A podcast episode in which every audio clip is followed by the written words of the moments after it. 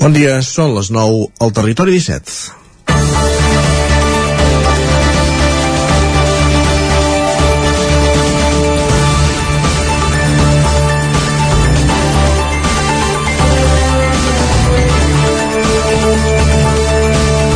Si una lliçó hem hagut d'aprendre de la pandèmia és la importància de la salut i que els governs situïn la inversió en aquest àmbit com una de les prioritats a l'hora d'elaborar els seus pressupostos.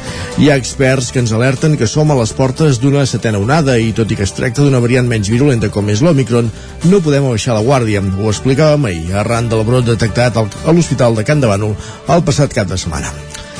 La Covid-19 ens ha demostrat la necessitat de disposar d'equipaments sanitaris espaiosos, ben ventilats, polivalents, acollidors, dignes al dia en les últimes tecnologies i dimensionats a la població actual de cada municipi i a les previsions de creixement per als pròxims anys. No podem esperar que arribi una altra pandèmia per reivindicar-los. A les comarques del territori 17 s'han evidenciat mancances que ja existien, però que ara no, poden, no podem deixar passar. És la situació en què estan molts centres d'atenció primària que requereixen una ampliació o de la construcció de nous equipaments que substitueixin alguns dels actuals que estan obsolets. Passa a tots els municipis grans. A Manlleu, tal com reconeixia fa 15 dies en una entrevista al 9-9, la gerent de l'ICS de la Catalunya Central, Anna Forcada, la manca d'espai dificulta obrir més agendes.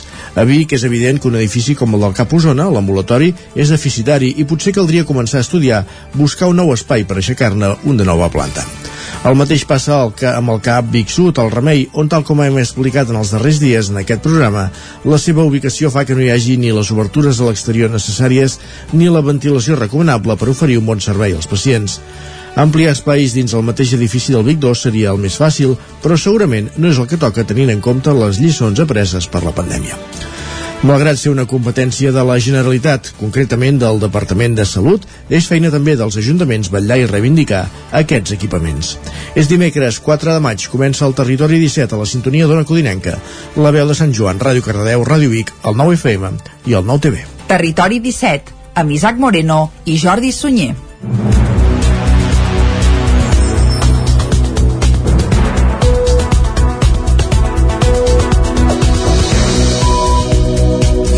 Passen dos minuts i mig de les 9 del matí d'avui dimecres, dia 4 de maig de 2022 i arrenca ara mateix un nou Territori 17 que avui, com sempre, durant la primera hora us acostarà tota l'actualitat de les nostres comarques. A partir de les 10 actuali actualitzarem de nou el butlletí informatiu i tot seguit, com cada dia, anirem a l'entrevista. Avui, Isaac, cap on? Cap a Cardedeu, per parlar amb l'historiador Salvador Coll i Cart, en companyia de l'Òscar Muñoz de Ràdio Televisió Cardedeu.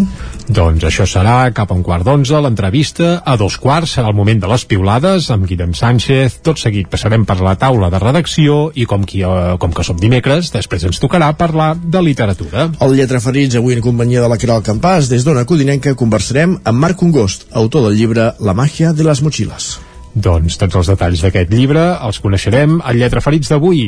A les 11 actualitzarem de nou el butlletí informatiu i tot seguit arribarà al territori sostenible. També des d'una codinenca en Jordi Givert, que avui se'n va fins a Sant Quirze Safàgia per conèixer l'experiència de Feina Tour, una empresa elaboradora d'infusions. Deixa'm dir que el a l'espai musical també anirem cap a Sant Quirze Safari. Carai, eh? el Marc Parrot. Ah, sí, que avui està d'estrena. No, no, esclar, bàsicament no, no se m'acuden sí, sí. gaires més músics de Sant Quirze Safari. Segur, segur que hi són, eh? Però Doncs- és el més internacional que tenen. Avui eh, en Marc Parrot estrena nou disc, el seu 11è disc ja en solitari. Això un pèl abans de les 10 furgarem una mica I per nosaltres també. que ho celebrem. Clar que sí.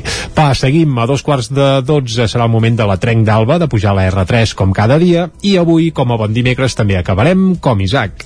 Repassant l'agenda cultural, ja ho sabeu, en connexió amb les diferents emissores del territori 17, amb l'Òscar Muñoz, amb la Caral Campàs, amb l'Isaac Muntades i amb en Jordi Vilarrodà per conèixer quins són els actes més destacats de l'agenda cultural, d'espectacles, de concerts, de teatre, de dansa, els propers dies a les nostres comarques. I això ho farem a la part final d'un programa que ara arrenca, com sempre, fent un repàs a l'actualitat de casa nostra, ja ho sabeu, l'actualitat de les comarques del Ripollès, Osona, el Moianès i el Vallès Oriental. L'Ajuntament de Vic preveu habilitar 8 habitatges públics en un edifici ja existent als terrenys de l'antiga Genís Antel, ara de propietat municipal. La regidora d'Urbanisme, Fabiana Palmero, avançava al ple municipal d'aquest dilluns. Al ple també s'hi va tractar les demandes de millora de les instal·lacions que hi ha tant al Cap Osona com al Cap del Remei. Els professionals del CAP del Remei de Vic reclamen unes noves instal·lacions per millorar l'atenció dels pacients. Des del centre consideren que créixer a la ubicació actual, el Vic 2, seria la solució més ràpida, però no resultaria les mancances a llarg termini. Fa unes setmanes, la gerent de l'Institut Català de la Salut a la Catalunya Central, Anna Forcada, també posava sobre la taula el debat sobre si el CAP Osona, situat a la plaça Divina Pastora, podia aconseguir la millora de les instal·lacions que necessita una reforma integral de l'edifici o bé calia pensar en un edifici de nova construcció. Esquerra Republicana va portar aquest debat al ple de dilluns a l'Ajuntament de Vic. L'alcaldessa Anna R deia que l'Ajuntament col·laborarà en les solucions quan estiguin clares. Escoltem a Anna R. Si calen ampliacions, sobretot de la del Remei, els ajudarem amb el que calgui, perquè sabem que és prioritari la feina que fan, evidentment, com els dos caps és, és totalment eh, clau per la ciutat i l'altra opció que també podem fer nosaltres és cedir doncs, a qualsevol terreny eh, per fer també un nou cap vol dir que un cop tinguem la fotodiagnosi i determinació per part del Departament de Salut de què cal fer amb els dos CAPs, eh, nosaltres senzillament el que ens posarem és a disposició. Al mateix ple, el punt que aprovava l'aportació econòmica de l'Ajuntament al conveni amb l'Agència de l'Habitatge de Catalunya per a la gestió de l'ús de quatre habitatges dotacionals, la regidora d'Urbanisme Fabiana Palmero anunciava que s'està treballant per disposar de vuit nous habitatges públics a Vic. Seria els terrenys de Genís Antel que l'Ajuntament va expropiar per permuta l'estiu passat, després d'arribar a un acord amb la propietat. Escoltem la regidora d'Habitatge, Fabiana Palmero. Amb l'adquisició de Genís Antel hi ha un bloc, un bloc, de, un bloc construït que eren habitatges i que estem treballant per poder transformar-lo en habitatge de protecció. Uh, si encara no ha passat per la modificació de crèdit d'això pel ple és perquè no tenim el projecte tancat i per tant no sabem el preu que suposarà la reforma d'aquests pisos però estem treballant i esperem poder aconseguir uns 8 pisos amb això el ple també va tornar a aprovar inicialment el projecte de millora del carrer Botànic Micó, que comunica la plaça Osona amb el barri de Santana, ara incorporant les demandes que van sorgir en una reunió amb els veïns. Més qüestions anem cap al Vallès, perquè l'Ajuntament de Caldes de Montbui alerta ha estat víctima d'un atac informàtic. El lloc web de l'Ajuntament i altres serveis municipals, com la policia o la ràdio local, estan inoperatius des d'aquest cap de setmana. On acudinem que el Campàs.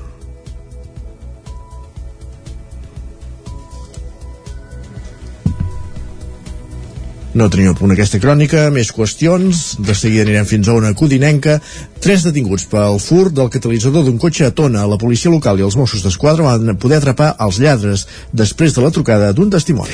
La policia local de Tona i els Mossos d'Esquadra van detenir ahir a la matinada tres homes de 35, 47 i 49 anys amb domicili fora de la comarca d'Osona com a presumptes autors del furt d'un catalitzador d'un cotxe. Segons els Mossos, els fets van tenir lloc aquest dimarts al voltant de la 1 i 20 minuts de la matinada. La policia local va rebre la trucada d'un testimoni que havia vist tres homes manipulant un vehicle estacionat. En arribar al lloc dels fets, els homes ja no hi eren i finalment la policia els va trobar al carrer Doctor Vallès, per on circulaven amb un altre vehicle. Quan el van fer aturar, la policia el va escorcollar i a dins del maleter hi van trobar un catalitzador que haurien tret de l'altre cotxe i també hi van trobar eines. A partir d'aquí es van activar els Mossos d'Esquadra i es va acabar fent la detenció pel furt de catalitzador que té un valor de prop de 870 euros. La víctima ja ha presentat denúncia i se li farà el retorn del catalitzador. Més qüestions, l'exconseller del govern de Puigdemont i actual vicesecretari general de Prospectiva i Agenda 2030 d'Esquerra Republicana, Raül Romeva, va visitar ahir les oficines de aigua ubicades a la plaça de la Vila de Torelló. Ho va fer acompanyat de la diputada republicana Alba Camps, del president del Consell Comarcal d'Osona, Joan Carles Rodríguez, i dels alcaldes de Torelló i Sant Vicenç, Marçal Ortuño i Eric Sivina, tots dos d'Esquerra.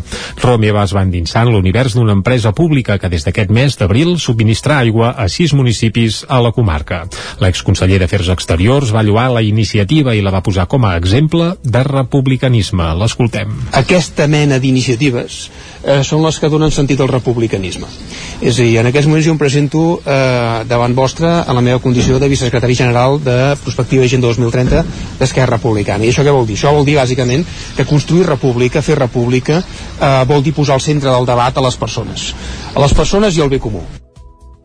Els alcaldes republicans que van ser a l'acte van remarcar que el d'Osona és el primer Consell Comarcal de Catalunya que impulsa, gràcies al consens polític, una empresa pública per tal d'oferir els serveis d'abastiment d'aigua en baixa, una iniciativa que, segons Romeva, dona sentit al republicanisme i compleix fil per amb els principis del partit. Les obres de les rotondes del polígon Mas d'en de Ripoll estan aturades per una falta de permisos. La licitació per asfaltar el carrer Progrés, en canvi, està a punt. La veu de Sant Joan, Isaac Muntades. Les obres de construcció de les dues rotondes d'accés al polígon dels pintors de la ronda Mas d'en de Ripoll estan aturades des de fa unes setmanes. Els treballs havien començat el passat mes de febrer i consisteixen a fer dos giratoris amb un cost total d'entre 700.000 i 800.000 euros per pacificar la zona i reduir la velocitat dels vehicles que circulen per aquella recta. Una de les rotondes s'ha de construir en el punt d'intersecció entre el pavelló de la Vallaneda i l'àrea de trial de bicicletes i la Fundació Eduard Soler, mentre que l'altra es farà l'entrada nord del polígon, on hi ha la benzinera i l'accés a la deixalleria. El regidor del PSC, Joaquim Merino, va preguntar el motiu de l'aturada, ja que fa setmanes que no hi ha maquinària treballant-hi ni moviments. El regidor i cap de l'àrea de serveis al territori, Joaquim Colomer, va respondre-li que havia parlat amb l'arquitecte i sembla que l'aturada es deuria a la manca de permisos de l'entitat corresponent cap a aquestes obres. L'alcalde Jordi Monell va afegir que calia moure alguns serveis afectats. Els treballs tenen un termini d'execució de 6 mesos i sembla difícil que estiguin acabades al juliol, ja que per ara només s'han fet alguns moviments de terres i la prèvia senyalització vertical i horitzontal. En canvi, el resfaltatge del carrer Progrés està gairebé a tocar segons Monell. Que està a punt de licitar-se ja la, el reasfaltat del carrer Progrés. Vam rebre la confirmació de la subvenció del Departament de Territori de la Generalitat i està doncs, en procés de licitar-se conjuntament amb l'asfaltat eh, ordinari, diguéssim, que es fa cada any d'anar reposant alguns, alguns carrers. Per tant, esperem que en, en poques setmanes o en un parell de mesos com a molt ja puguem tenir aquest carrer que és una artèria principal i que està doncs, aprofitant que parlem de, de seguretat viària doncs és una artèria principal que està una mica malmesa i per tant la, la podrem reparar. El carrer Progrés és una via de circulació molt important per Ripoll perquè és per on passen tots aquells vehicles que arriben des de la C-17 i volen desplaçar-se en direcció a Sant Joan de les Abaderes o la vall de Camprodon o cap a la Garrotja. També és un carrer per on hi passen molts camions i per això l'asfalt es malmet de manera recurrent. Ara sí, recuperem la crònica de la Caral Campàs de l'Ajuntament de Caldes de Montbui que ha estat víctima d'un atac informàtic. El lloc web de l'Ajuntament i altres serveis municipals com la policia o la ràdio local estan inoperatius des d'aquest cap de setmana. On acudinenca Caral Campàs. Els serveis informàtics tècnics i de gestió de l'Ajuntament de Caldes han patit un atac informàtic, segons ha informat aquest dimarts el consistori en un comunicat. El ciberatac ha afectat a tota l'administració i els seus mitjans de gestió i comunicació. L'Oficina d'Atenció Ciutadana és on més s'ha notat aquesta afectació, ja que ara per ara no es poden fer tràmits de forma telemàtica, només presencialment. L'atac del qual se'n desconeix l'origen respon a motius econòmics, tot i que no saben de quin import es tracta perquè no han contestat el missatge dels ciberatacs atacants des de l'Ajuntament. L'alcalde Isidre Pineda ha avançat que no pagaran el rescat. Amb uh, qui hagi orquestrat aquest ciberatac, perquè és un atac orquestrat, um, i per tant no, no, no entrarem en el joc de pagar cap mena de rescat uh, per, per les dades o la informació que, que han boicotejat o que, que han hackejat i és evident, l'Ajuntament de Caldes de Montbui està treballant per recuperar el servei aquest és el primer objectiu um, tal com ens han recomanat a Mossos d'Esquadra uh, a partir d'aquí després haurem de fer una avaluació dels possibles danys que s'hagin comès o que s'hagin tingut Des de l'Ajuntament han elevat una denúncia a Mossos i a l'Oficina de Ciberseguretat de Catalunya i esperen poder anar restablint la normalitat de forma progressiva. La Universitat Autònoma de Barcelona o l'Ajuntament de Cambrils són altres ens que han rebut atacs d'aquest tipus recentment. Gràcies, Caral. Anem fins a Cardedeu, però una història curiosa. Fa un any es van trobar unes cartes de la Guerra Civil Espanyola a la casa de Can Malla, de Cardedeu, tot remenant a les calaixeres de les golfes. Ara, l'historiador Salvador Coll les ha convertit en un llibre titulat El caliu de la il·lusió. Núria Lázaro, Ràdio Televisió, Cardedeu. El 1936 començava la Guerra Civil Espanyola. Moltes persones van haver de marxar de Catalunya per combatre el front. En una època on no era tan fàcil la comunicació, l'única manera de poder parlar amb els seus éssers estimats era per via postal. Al front d'Aragó, durant els tres primers mesos de guerra, el correu de les milícies catalanes repartia diàriament unes 30.000 targetes postals. Una petita part d'aquestes cartes s'hi van trobar a les golfes de Can Malla a Cardedeu. Eulàlia Coca. A mi sempre m'ha agradat molt remenar aquesta casa de Can Malla, les golfes principalment, i amb unes calaixeres sabia que hi havia unes cartes. I les vaig agafar i les vaig portar amb en Salvador a veure què li semblaven aquestes cartes i va quedar entusiasmat i, bueno, i d'aquí ja va sortir tot el tema de fer el llibre i començar a fer tot això. Algunes d'aquestes cartes que va trobar l'Eulàlia parlaven de la mare de la seva cunyada, la Maria Cruixent, que al cap dels anys ha pogut conèixer una part oblidada de la història de la seva família, Maria Cruixent. Eren les cartes que la meva mare pues, escrivia al meu pare quan el meu pare va anar a la guerra, que ella tenia 33 anys, amb el seu germà. I demostra pues, que en aquella època ella, aquella gent van passar-ho pues, molt malament i que es conformaven amb molt poca cosa. 177 cartes que es guardaven a la casa i que l'historiador Salvador Coll i Car va transcriure i recopilar en el llibre que va presentar la mateixa casa al Caliu de la Il·lusió. A l'acte, la historiadora cardedauenca Assumpta Montellà va ser l'encarregada de presentar-lo per la seva experiència en els temes de guerra, Salvador Coll. Provenen de l'època de la guerra. Eren dos germans que estaven al front i aquí tenim recollides, això és un treball que vaig començar fa 3 anys i 4 mesos, primer llegint-les, després vaig veure que era molt interessant, em vaig fer la transcripció, després vaig anar a visitar els llocs del front d'Aragó des d'on un dels germans enviava cartes i després vaig anar a la, al lloc de la batalla de l'Ebre on l'altre germà també per conèixer el territori per fer-me una idea de com era. La proposta d'aquest llibre és donar una visió diferent de la que donen els llibres que tracten de la Guerra Civil Espanyola. Aquí el que es proposa mitjançant la lectura d'aquestes cartes és conèixer com van viure aquells anys tràgics les persones que vivien a Can Malla, a Cardedeu. Gràcies, Núria. Aprofundirem en aquesta qüestió, en aquest llibre, en aquesta història, a partir d'un quart d'onze l'entrevista entrevista amb Salvador Coll. Més qüestions i ara continuem encara en l'àmbit de la memòria històrica, perquè Prats de Lluçanès va recuperar dissabte la figura de Roser Fluvià, una bredenca antifeixista que va ser deportada a un camp nazi. L'acte va servir també per presentar el documental Una generació de silenci, la repressió franquista de Prats de Lluçanès, que posa punt i final al projecte de recuperació i reivindicació de la memòria històrica al poble. L'Ajuntament de Prats de Lluçanès va inaugurar dissabte el plafó homenatge a Roger, a Roser Fluvià, lluitadora antifeixista i deportada als camps nazis. El plafó, situat al carrer Resclosa, on va néixer, recorda la vida d'aquesta predenca, condecorada per la seva lluita antifeixista durant la Segona Guerra Mundial. La seva figura ha estat rescatada de l'oblit per la periodista i historiadora Anna Gorgs i també per Roger Reixac, encarregades de recuperar la memòria col·lectiva i de la repressió durant la Guerra Civil i la postguerra. Escoltem a Anna Gorgs. Aquesta predenca va ser membre eh, destacada d'una xarxa d'evasió de persones eh, que passaven de l'estat francès a l'estat espanyol a través dels Pirineus, que fugien eh, majoritàriament del nazisme. Per tant, ella va posar el seu granet de sorra doncs, en, en, en la victòria dels aliats i en, i en acabar amb el nazisme. L'any 1943 va ser detinguda per la Gestapo, la policia secreta alemanya i va ser deportada al camp de concentració de Ravensbrück el juliol del 1944. Va ser alliberada uh, un any després, l'abril del 1945. A l'acte també va s'hi va comptar amb la presència de la neta de la Roser, la Gisela Fluvià. La podem escoltar. Jo vaig viure amb ella fins als 6 anys, o a 6 més o menys. La recordo que jo era molt petita i per circumstàncies de la vida ella va tindre que marxar, tornar a França i ja no la vaig veure mai més. Aleshores sé algunes coses d'ella perquè m'ho ha explicat el meu pare, inclús la meva mare perquè vivia amb nosaltres. Eh, sé que va patir molt amb el camp de concentració i que era una persona molt forta. El plafó forma part del projecte de recuperació de la memòria històrica de la Guerra Civil, l'exili i la postguerra a Prats de Lluçanès, un moviment iniciat la legislatura passada amb l'obertura de les fosses a Sant Andreu de Llanars, la publicació dels volums de les víctimes del franquisme i la Guerra Civil al poble i la recuperació també dels noms anònims fins ara de les víctimes de la persecució nazi. A més del plafó, dissabte també es va presentar el documental Una generació de silenci, la repressió franquista a Prats de Lluçanès.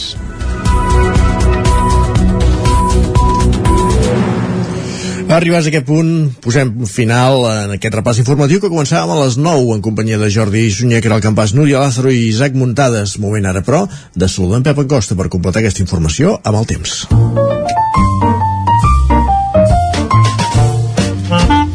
Casa Terradellos us ofereix el temps.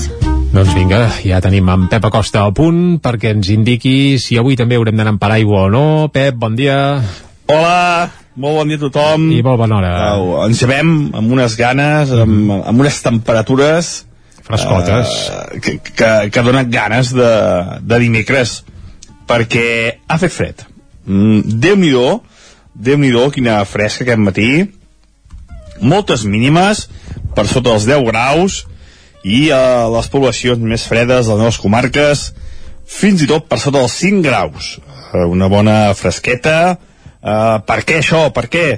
Doncs perquè encara tenim una, una pertorbació situada al sud de les comarques, al sud de Catalunya, que fa que hi hagi força inestabilitat.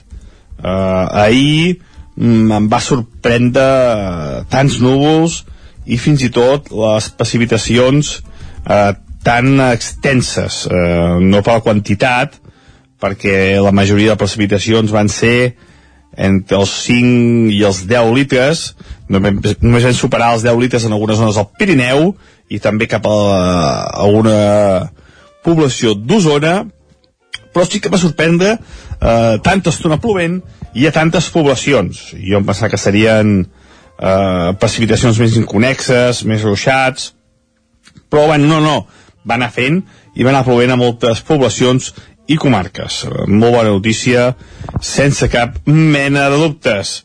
I ahir les temperatures encara eh, molt a ratlla, eh, no van pujar, no van sobrepassar els 20 graus gairebé a cap població. Eh, I el culpable, la culpable, com dèiem, eh, és aquesta pertorbació mm, que tenim al sud de Catalunya, eh, a sobre del, del mar, i que fa que, que la inestabilitat sigui la protagonista. Però aquesta pertorbació, mica en mica, es va, mm, com ho diríem, es va retirant, es va posicionant més cap al sud i la inestabilitat anirà menys. I el dia d'avui, tot i que encara ens veiem bastants núvols ara, eh, ben bé fins a migdia, primeres, primeres hores de la tarda, farà força sol. No serà uh, un dia com el d'ahir, eh, tan tapat i en pluja com ahir, ni de bon tros. Farà força sol fins al migdia, tot i això eh, encara es donen, es donen les característiques, es donen les condicions ideals perquè a la tarda puguin créixer nuvolades. Nuvolades que poden deixar algunes precipitacions, sobretot cap a la zona del Pirineu. Precipitacions que seran eh, en forma de, de ruixat, eh, eh, inconexos, eh, no serà una precipitació eh, més o menys general com d'ahir, ni de bon tros, seran eh, ruixats molt irregulars i que poden deixar eh, precipitacions sobretot a les zones de muntanya avui a la tarda ja, eh? ja no serà una pluja general.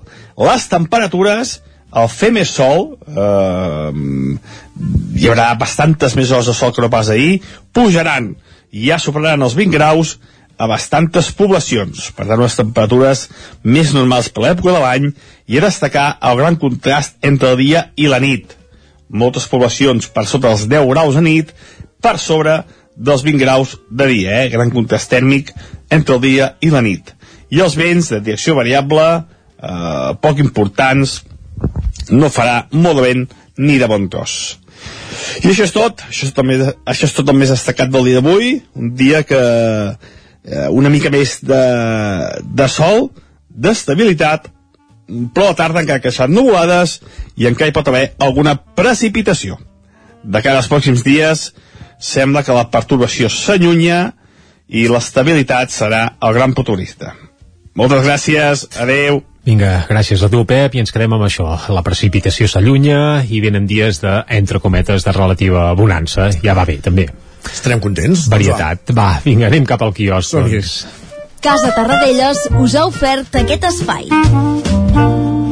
Això, moment de conèixer les portades dels diaris del dia.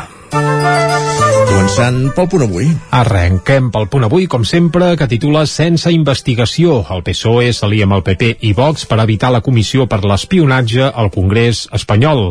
El Parlament català, en canvi, sí que avaluarà el Catalan Gate, que acumula més querelles. Uh, la fotografia principal no és per aquesta investigació, però, sinó que se n'han anat als Estats Units a crits per l'avortament, i és que el Suprem dels Estats Units uh, podria prohibir el dret a interrompre l'embaràs, una decisió que sembla que ha d'arribar aquest estiu i que podria avalar el Tribunal eh, d'Estats Units. També Puigdemont descarta tornar a presidir Junts, és a dir, que en el Congrés que tenen previst per fer d'aquí un mes, doncs Carles Puigdemont no optarà a la presidència de Junts per Catalunya. Anem a l'ara. Sánchez obligat a compareixer al Congrés pel Pegasus, l'oposició el força a explicar-se, però PSOE i PP veten la comissió d'investigació pel Catalan Gate. Torra i Costa, Torra, l'expresident, i Costa, Pep Costa, l'ex-vicepresident eh, del Parlament, porten el president espanyol als tribunals i el govern vol actuar com a acusació particular. Això també apareix a la portada. La fotografia, igual que passava amb el punt avui, és per, eh, bé, per Estats Units i per dones que reclamen el dret a l'avortament. Cop al dret a l'avortament als Estats Units i això, una manifestació que es va fer ahir mateix ja quan es va conèixer aquesta decisió. Les escoles bressol públiques de Barcelona no avançaran l'inici de curs, un altre titular que apareix a l'Ara, on també dediquen un raconet a Puigdemont eh, explicant que renuncia a continuar com a president de Junts. Deixem l'Ara, anem cap a l'avantguàrdia, titular principal, la pròxima derogació del dret a l'avortament encén als Estats Units. Uh, la filtració d'un esborrany de la sentència confirma la intenció del Suprem de canviar la seva doctrina que era vigent des del 1973, aviat és dit.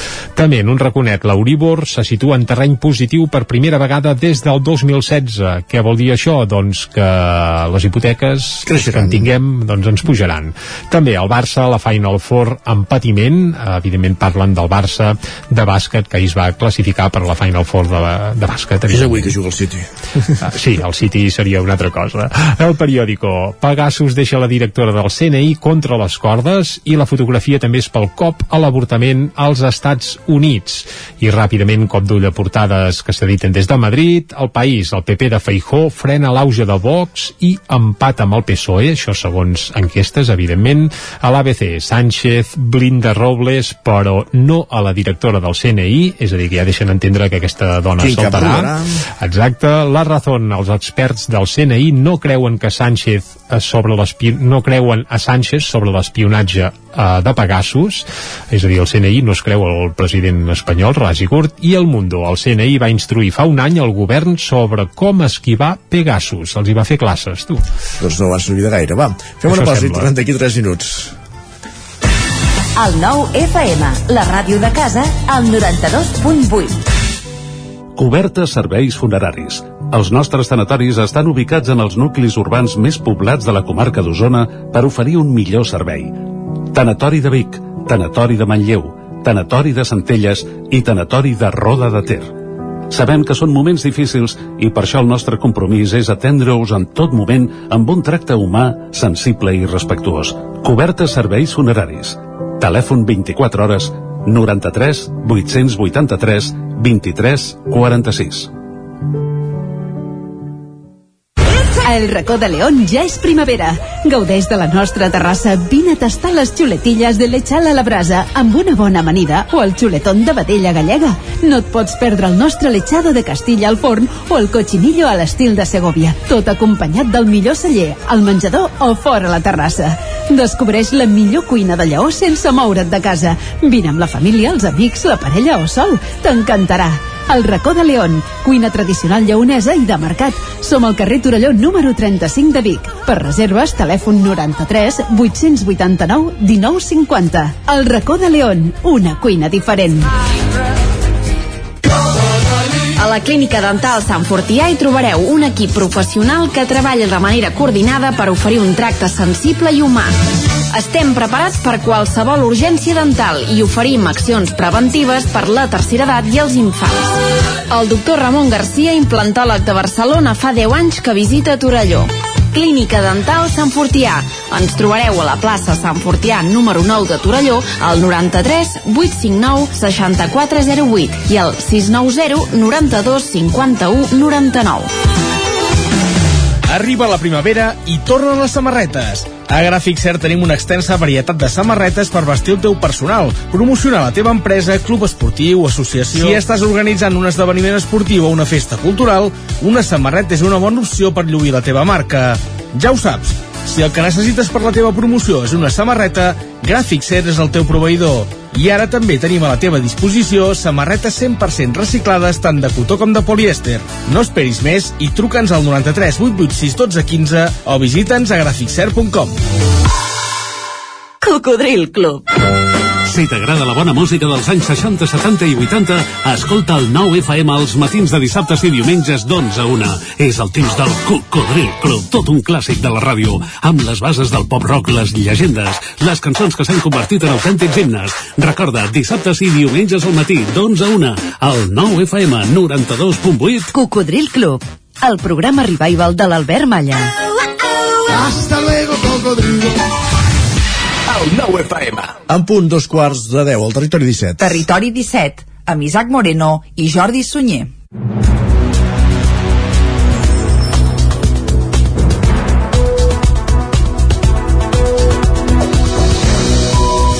I a dos quarts de deu en punt d'avui dimecres, dia 4 de maig de 2022, de seguida el que farem és acostar-vos de nou tota l'actualitat de les nostres comarques, però ja us avancem que bé tot el que tindrem fins al punt de les 12 del migdia. Abans de les 10, com cada dia, hi posarem música. Abans ja hem avançat que serà de la patum musical de Sant Quirze Safaja. Evidentment, Marc Perrot, que avui, precisament avui, estrena disc en solitari, és el seu 11è disc ja de, de la seva carrera, es titula Els fets i l'atzar. Aquest és el títol del nou disc del Marc Perrot i avui escoltarem precisament la peça que dona títol al disc. Això ho farem una mica abans de les 10. A les 10 actualitzarem butlletí informatiu, després saludarem en Pep Acosta que ens actualitzi la informació meteorològica i tot seguit a l'entrevista, Isaac, anirem cap a Cardedeu, oi? Exacte, per parlar amb l'historiador Salvador Coll i Cart en companyia de l'Òscar Muñoz d'aquest llibre on recopila aquestes cartes de la Guerra Civil trobades fa un any, com dèiem, en una casa de Cardedeu. Això ho coneixerem a tots els detalls durant l'entrevista. A dos quarts d'onze serà el moment de les piulades, tot seguit passarem per la taula de redacció i després parlarem uh, de literatura, a Lletra Ferits. Coneixerem una novel·la, La màgia de les motxilles, amb, conjuntament amb la Caral Campàs, d'una codinenca conversarem amb el seu autor, en Marc Congost. A les 11, més informació i tot seguit tornarem cap a una codinenca. Amb en Jordi Givert, per anar precisament d'altre cop a Sant Quirze Safaja i aquest cop parlar d'infusions amb una empresa que n'elabora Feinatur. Doncs tots els detalls d'aquesta empresa elaboradora d'infusions al territori sostenible cap a un quart de 12 a dos quarts serà el moment de pujar a la R3 com cada dia, la Trenc d'Alba i els dimecres acabem sempre de la mateixa manera com ho fem Isaac. Doncs fent un repàs de l'agenda cultural, espectacles, concerts, teatre, tot el que s'esdevingui els propers dies a les comarques del territori 17 ho recollim en aquesta roda agenda que fem per les diferents emissores de, del territori 17. Doncs d'aquesta manera tancarem un programa que ara segueix i ho fa com sempre acostant-vos l'actualitat de les nostres comarques, les comarques del Vallès Oriental, el Moianès, on hi ha Sant Quirze Safaja, Osona i el Ripollès. L'Ajuntament de Vic preveu habilitar 8 habitatges públics en un edifici ja existent als terrenys de l'antiga Genís Antel, ara de propietat municipal.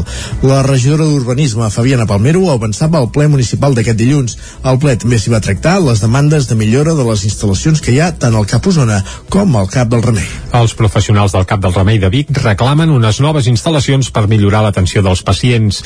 Des del centre consideren que créixer a la ubicació actual, el Vic 2, seria la solució més ràpida, però no resoldria les mancances a llarg termini. Fa unes setmanes, la gerent de l'Institut Català de la Salut a la Catalunya Central, Anna Forcada, també posava sobre la taula el debat sobre si el Cap Osona, situat a la plaça Divina Pastora, podia aconseguir la millora de les instal·lacions que necessita una reforma integral de l'edifici o bé calia pensar en un edifici de nova construcció.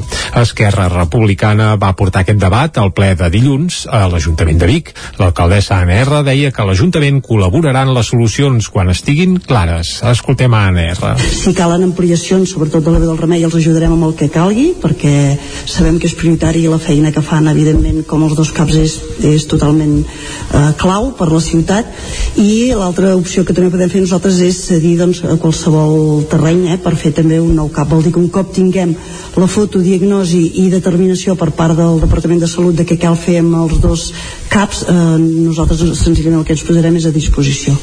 Al mateix ple, el punt que aprovava l'aportació econòmica de l'Ajuntament al el conveni amb l'Agència de l'Habitatge de Catalunya per a la gestió de l'ús de quatre habitatges dotacionals, la regidora d'Urbanisme Fabiana Palmero anunciava que s'està treballant per disposar de vuit nous habitatges públics a Vic. Seria els terrenys de Genís Antel que l'Ajuntament va expropiar per permuta l'estiu passat, després d'arribar a un acord amb la propietat. Escoltem la regidora d'Habitatge, Fabiana Palmero. Amb l'adquisició de Genís Antel hi ha un bloc, un bloc, de, un bloc construït que eren habitatges i que estem treballant per poder transformar-lo en habitatge de protecció. Uh, si encara no ha passat per la modificació de crèdit d'això pel ple és perquè no tenim el projecte tancat i per tant no sabem el preu que suposarà la reforma d'aquests pisos però estem treballant i esperem um, poder aconseguir uns 8 pisos amb això el ple també va tornar a aprovar inicialment el projecte de millora del carrer Botànic Micó, que comunica la plaça Osona amb el barri de Santana, ara incorporant les demandes que van sorgir en una reunió amb els veïns. Més qüestions anem cap al Vallès, perquè l'Ajuntament de Caldes de Montbui alerta ha estat víctima d'un atac informàtic. El lloc web de l'Ajuntament i altres serveis municipals, com la policia o la ràdio local, estan inoperatius des d'aquest cap de setmana. Ona Codinenca, Caral Campàs. No tenim a punt aquesta crònica, més qüestions. De seguida anirem fins a una codinenca. Tres detinguts pel fur del catalitzador d'un cotxe a Tona. La policia local i els Mossos d'Esquadra van poder atrapar els lladres després de la trucada d'un testimoni. La policia local de Tona i els Mossos d'Esquadra van detenir ahir a la matinada tres homes de 35, 47 i 49 anys amb domicili fora de la comarca d'Osona com a presumptes autors del furt d'un catalitzador d'un cotxe. Segons els Mossos, els fets van tenir lloc aquest dimarts al voltant de la 1 i 20 minuts de la matinada. La policia local va rebre la trucada d'un testimoni que havia vist tres homes manipulant un vehicle estacionat. En arribar al lloc dels fets, els homes ja no hi eren i finalment la policia els va trobar al carrer Doctor Vallès, per on circulaven amb un altre vehicle. Quan el van fer aturar, la policia el va escorcollar i a dins del maleter hi van trobar un catalitzador que haurien tret de l'altre cotxe i també hi van trobar eines. A partir d'aquí es van activar els Mossos d'Esquadra i es va acabar fent la detenció pel furt de catalitzador que té un valor de prop de 870 euros. La víctima ja ha presentat denúncia i se li farà el retorn del catalitzador. Més qüestions, l'exconseller del govern de Puigdemont i actual vicesecretari general de Prospectiva i Agenda 2030 d'Esquerra Republicana, Raül Romeva, va visitar ahir les oficines d'un aigua ubicades a la plaça de la Vila de Torelló. Ho va fer acompanyat de la diputada republicana Alba Camps, del president del Consell Comarcal d'Osona, Joan Carles Rodríguez, i dels alcaldes de Torelló i Sant Vicenç, Marçal Ortuño i Eric Sivina, tots dos d'Esquerra. Romeva es va endinsar en l'univers d'una empresa pública que des d'aquest mes d'abril subministra aigua a sis municipis a la comarca. L'exconseller d'Afers Exteriors va lloar la iniciativa i la va posar com a exemple de republicanisme. L'escoltem. Aquesta mena d'iniciatives eh, són les que donen sentit al republicanisme. És a dir, en aquests moments jo em presento eh, davant vostre en la meva condició de vicesecretari general de Prospectiva Agenda 2030 d'Esquerra Republicana. I això què vol dir? Això vol dir bàsicament que construir república, fer república, eh, vol dir posar al centre del debat a les persones. A les persones i al bé comú. Els alcaldes republicans que van ser a l'acte van remarcar que el d'Osona és el primer Consell Comarcal de Catalunya que impulsa, gràcies al consens polític, una empresa pública per tal d'oferir els serveis d'abastiment d'aigua en baixa, una iniciativa que, segons Romeva, dona sentit al republicanisme i compleix fil per randa amb els principis del partit. Les obres de les rotondes del polígon Mas d'en Bosch de Ripoll estan aturades per una falta de permisos. La licitació per asfaltar el carrer Progrés, en canvi, està a punt.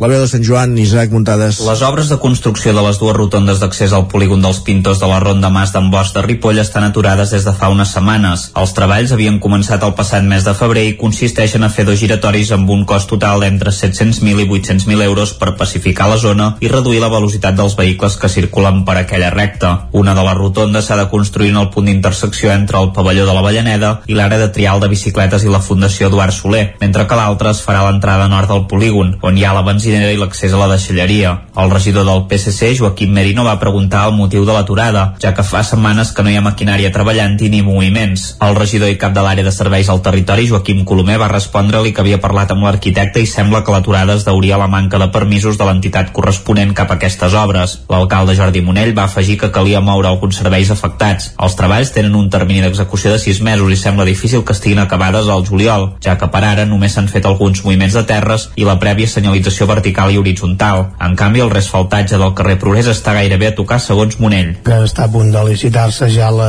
el reasfaltat del carrer Progrés. Vam rebre la confirmació de la subvenció del Departament de Territori de la Generalitat i està doncs, en procés de licitar-se conjuntament amb l'asfaltat eh, ordinari, diguéssim, que es fa cada any d'anar reposant alguns, alguns carrers. Per tant, esperem que en, en poques setmanes o en un parell de mesos com a molt ja puguem tenir aquest carrer que és una artèria principal i que està, doncs, aprofitant que parlem de, de seguretat viària, doncs és una artèria principal que està una mica malmesa i per tant la, la podrem reparar. El carrer Progrés és una via de circulació molt important per Ripoll perquè és per on passen tots aquells vehicles que arriben des de la C-17 i volen desplaçar-se en direcció a Sant Joan de les Abaderes o la vall de Camprodon o cap a la Garrotja. També és un carrer per on hi passen molts camions i per això l'asfalt es malmet de manera recurrent. Ara sí, recuperem la crònica de la Caral Campàs de l'Ajuntament de Caldes de Montbui que ha estat víctima d'un atac informàtic. El lloc web de l'Ajuntament i altres serveis municipals com la policia o la ràdio local estan inoperatius des d'aquest cap de setmana. On acudinem que Caral Campàs? Els serveis informàtics i de gestió de l'Ajuntament de Caldes han patit un atac informàtic, segons ha informat aquest dimarts el consistori en un comunicat. El ciberatac ha afectat a tota l'administració i els seus mitjans de gestió i comunicació. L'Oficina d'Atenció Ciutadana és on més s'ha notat aquesta afectació, ja que ara per ara no es poden fer tràmits de forma telemàtica, només presencialment. L'atac del qual se'n desconeix l'origen respon a motius econòmics, tot i que no saben de quin import es tracta perquè no han contestat el missatge dels ciberatacs atacants des de l'Ajuntament. L'alcalde Isidre Pineda ha avançat que no pagaran el rescat. Amb uh, qui hagi orquestrat aquest ciberatac, perquè és un atac orquestrat, um, i per tant no, no, no entrarem en el joc de pagar cap mena de rescat uh, per, per les dades o la informació que, que han boicotejat o que, que han hackejat. I és evident l'Ajuntament de Caldes de Montbui està treballant per recuperar el servei. Aquest és el primer objectiu um, tal com ens han recomanat a Mossos d'Esquadra uh, a partir d'aquí després haurem de fer una avaluació dels possibles danys que s'hagin comès o que s'hagin tingut Des de l'Ajuntament han elevat una denúncia a Mossos i a l'Oficina de Ciberseguretat de Catalunya i esperen poder anar restablint la normalitat de forma progressiva. La Universitat Autònoma de Barcelona o l'Ajuntament de Cambrils són altres ens que han rebut atacs d'aquest tipus recentment. Gràcies, Caral. Anem fins a Cardedeu, però una història curiosa. Fa un any es van trobar unes cartes de la Guerra Civil Espanyola a la casa de Can Malla, de Cardedeu, tot remenant les calaixeres de les golfes. Ara, l'historiador Salvador Coll les ha convertit en un llibre titulat El caliu de la il·lusió. Núria Lázaro, Ràdio Televisió, Cardedeu. El 1936 començava la Guerra Civil Espanyola. Moltes persones van haver de marxar de Catalunya per combatre el front. En una època on no era tan fàcil la comunicació, l'única manera de poder parlar amb els seus éssers estimats era per via postal. Al front d'Aragó, durant els tres primers mesos de guerra, el correu de les milícies catalanes repartia diàriament unes 30.000 targetes postals. Una petita part d'aquestes cartes s'hi van trobar a les golfes de Can Malla a Cardedeu. Eulàlia Coca. A mi sempre m'ha agradat molt remenar aquesta casa de Can Malla, les golfes principalment, i amb unes calaixeres sabia que hi havia unes cartes i les vaig agafar i les vaig portar amb en Salvador a veure què li semblaven aquestes cartes i va quedar entusiasmat i, bueno, i d'aquí ja va sortir tot el tema de fer el llibre i començar a fer tot això. Algunes d'aquestes cartes que va trobar l'Eulàlia parlaven de la mare de la seva cunyada, la Maria Cruixent, que al cap dels anys ha pogut conèixer una part oblidada de la història de la seva família, Maria Cruixent. Les cartes que la meva mare pues, escrivia al meu pare quan el meu pare va anar a la guerra, ella tenia 33 anys, amb el seu germà, i demostra pues, que en aquella època ella, aquella gent van passar-ho pues, molt malament i que es conformaven amb molt poca cosa. 177 cartes que es guardaven a la casa i que l'historiador Salvador Coll i Car va transcriure i recopilar en el llibre que va presentar la mateixa casa al Caliu de la Il·lusió. A l'acte, la historiadora cardedeuenca Assumpta Montellà va ser l'encarregada de presentar-lo per la seva experiència en els temes de guerra, Salvador Coll. Provenen de l'època de la guerra. Eren dos germans que estaven al front i aquí tenim recollides, això és un treball que vaig començar fa 3 anys i 4 mesos, primer llegint-les, després vaig veure que era molt interessant, em vaig fer la transcripció, després vaig anar a visitar els llocs del front d'Aragó des d'on un dels germans enviava cartes i després vaig anar a la, al lloc de la batalla de l'Ebre on l'altre germà també per conèixer el territori per fer-me una idea de com era. La proposta d'aquest llibre és donar una visió diferent de la que donen els llibres que tracten de la Guerra Civil Espanyola. Aquí el que es proposa mitjançant la lectura d'aquestes cartes és conèixer com van viure aquells anys tràgics les persones que vivien a Can Malla, a Cardedeu. Gràcies, Núria. Aprofundirem en aquesta qüestió, en aquest llibre, en aquesta història, a partir d'un quart d'onze l'entrevista amb Salvador Coll. Més qüestions i ara continuem encara en l'àmbit de la memòria històrica, perquè Prats de Lluçanès va recuperar dissabte la figura de Roser Fluvià, una predenca antifeixista que va ser deportada a un camp nazi. L'acte va servir també per presentar el documental Una generació de silenci, la repressió franquista de Prats de Lluçanès, que posa punt i final al projecte de recuperació i reivindicació de la memòria històrica al poble. L'Ajuntament de Prats de Lluçanès va inaugurar dissabte el plafó homenatge a Roger, a Roser Fluvià, lluitadora antifeixista i deportada als camps nazis. El plafó, situat al carrer Resclosa, on va néixer, recorda la vida d'aquesta predenca, condecorada per la seva lluita antifeixista durant la Segona Guerra Mundial. La seva figura ha estat rescatada de l'oblit per la periodista i historiadora Anna Gorgs i també per Roger Reixac, encarregades de recuperar la memòria col·lectiva i de la repressió durant la Guerra Civil i la postguerra. Escoltem a Anna Gorgs. Aquesta predenca va ser membre eh, destacada d'una xarxa d'evasió de persones eh, que passaven de l'estat francès a l'estat espanyol a través dels Pirineus, que fugien eh, majoritàriament del nazisme. Per tant, ella va posar el seu granet de sorra doncs, en, en, en la victòria dels aliats i en, i en acabar amb el nazisme. L'any 1943 va ser detinguda per la Gestapo, la policia secreta alemanya, i va ser deportada al camp de concentració de Ravensbrück el juliol del 1944. Va ser alliberada uh, un any després, l'abril del 1945.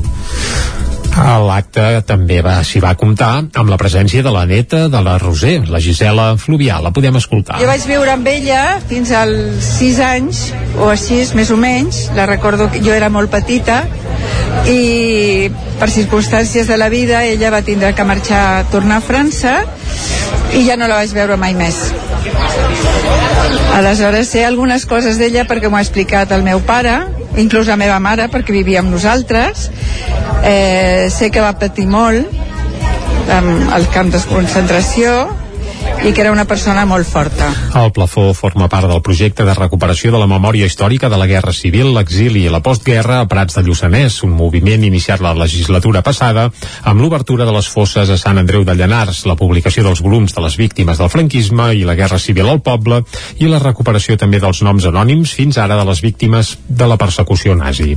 A més del plafó, dissabte també es va presentar el documental Una generació de silenci, la repressió franquista a Prats de Lluçanès.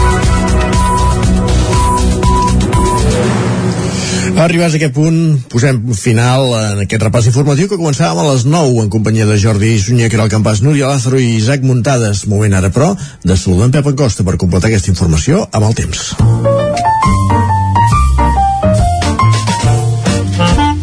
Casa Terradellos us ofereix el temps. Doncs vinga, ja tenim en Pep Acosta al punt perquè ens indiqui si avui també haurem d'anar amb paraigua o no. Pep, bon dia. Hola, molt bon dia a tothom. I molt bona hora. Uh, ens llevem amb unes ganes, amb, amb unes temperatures frescotes uh, que, que, que donen ganes de, de dimecres perquè ha fet fred. Mm, Déu-n'hi-do, déu nhi déu quina fresca aquest matí. Moltes mínimes, per sota dels 10 graus, i a uh, les poblacions més fredes de les nostres comarques, fins i tot per sota dels 5 graus. Uh, una bona fresqueta, Uh, per què això? Per què? Doncs perquè encara tenim una, una pertorbació situada al sud de les comarques, al sud de Catalunya, que fa que hi hagi força inestabilitat. Uh, ahir mm, em va sorprendre tants núvols i fins i tot les precipitacions uh, tan extenses, uh, no per la quantitat, perquè la majoria de precipitacions van ser entre els 5 i els 10 litres. Només, només vam superar els 10 litres en algunes zones del Pirineu i també cap a, a una població d'Osona. Però sí que va sorprendre eh, tanta estona plovent i a tantes poblacions. Jo em pensava que serien eh, precipitacions més inconexes més ruixats. Però bueno, no, no, va anar fent i va anar plovent a moltes poblacions i comarques. Molt bona notícia, sense cap mena de dubtes. I ahir les temperatures encara eh, molt a ratlla, eh, no van pujar, no van sobrepassar els 20 graus gairebé a cap població. Eh, I el culpable, la culpable, com dèiem, eh, és aquesta pertorbació mm, que tenim al sud de Catalunya, eh, a sobre del, del mar, i que fa que, que la inestabilitat sigui la protagonista. Però aquesta pertorbació, mica en mica, es va, mm, com ho diríem, es va retirant, es va posicionant més cap al sud i la inestabilitat anirà menys. I el dia d'avui, tot i que encara ens hi bastants núvols ara, eh, ben bé fins a migdia, primeres, primeres hores de la tarda, farà força sol. No serà uh, un dia com el d'ahir, eh, tan tapat i amb pluja com ahir, ni de bon tros. Farà força sol fins al migdia, tot i això eh, encara es donen, es donen les característiques, es donen les condicions ideals perquè a la tarda puguin créixer nuvolades. Nuvolades que poden deixar algunes precipitacions, sobretot cap a la zona del Pirineu. Precipitacions que seran eh, en forma de, de ruixat, eh, eh, inconexos, eh, no serà una precipitació eh, més o menys general com d'ahir ni de bon tros, seran eh, ruixats molt irregulars i que poden deixar eh, precipitacions sobretot a les zones de muntanya avui a la tarda ja, eh? ja no serà una pluja general.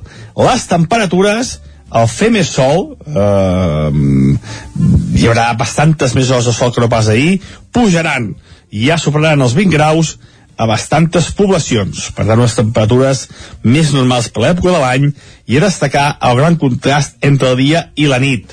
Moltes poblacions per sota dels 10 graus a nit, per sobre dels 20 graus de dia, eh? gran contrast tèrmic entre el dia i la nit. I els vents de direcció variable, eh, poc importants, no farà molt de vent ni de bon tros. I això és tot, això és tot, més, això és tot el més destacat del dia d'avui, un dia que eh, una mica més de, de sol, d'estabilitat, però a la tarda encara que s'han nuvolades i encara hi pot haver alguna precipitació.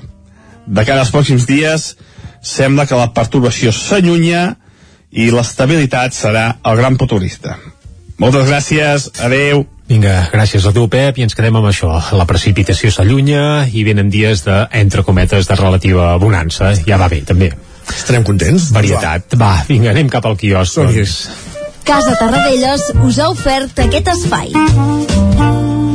Això, moment de conèixer les portades dels diaris del dia. Començant pel punt avui. Arrenquem pel punt avui, com sempre, que titula Sense investigació. El PSOE s'alia amb el PP i Vox per evitar la comissió per l'espionatge al Congrés espanyol. El Parlament català, en canvi, sí que avaluarà el Catalan Gate, que acumula més querelles.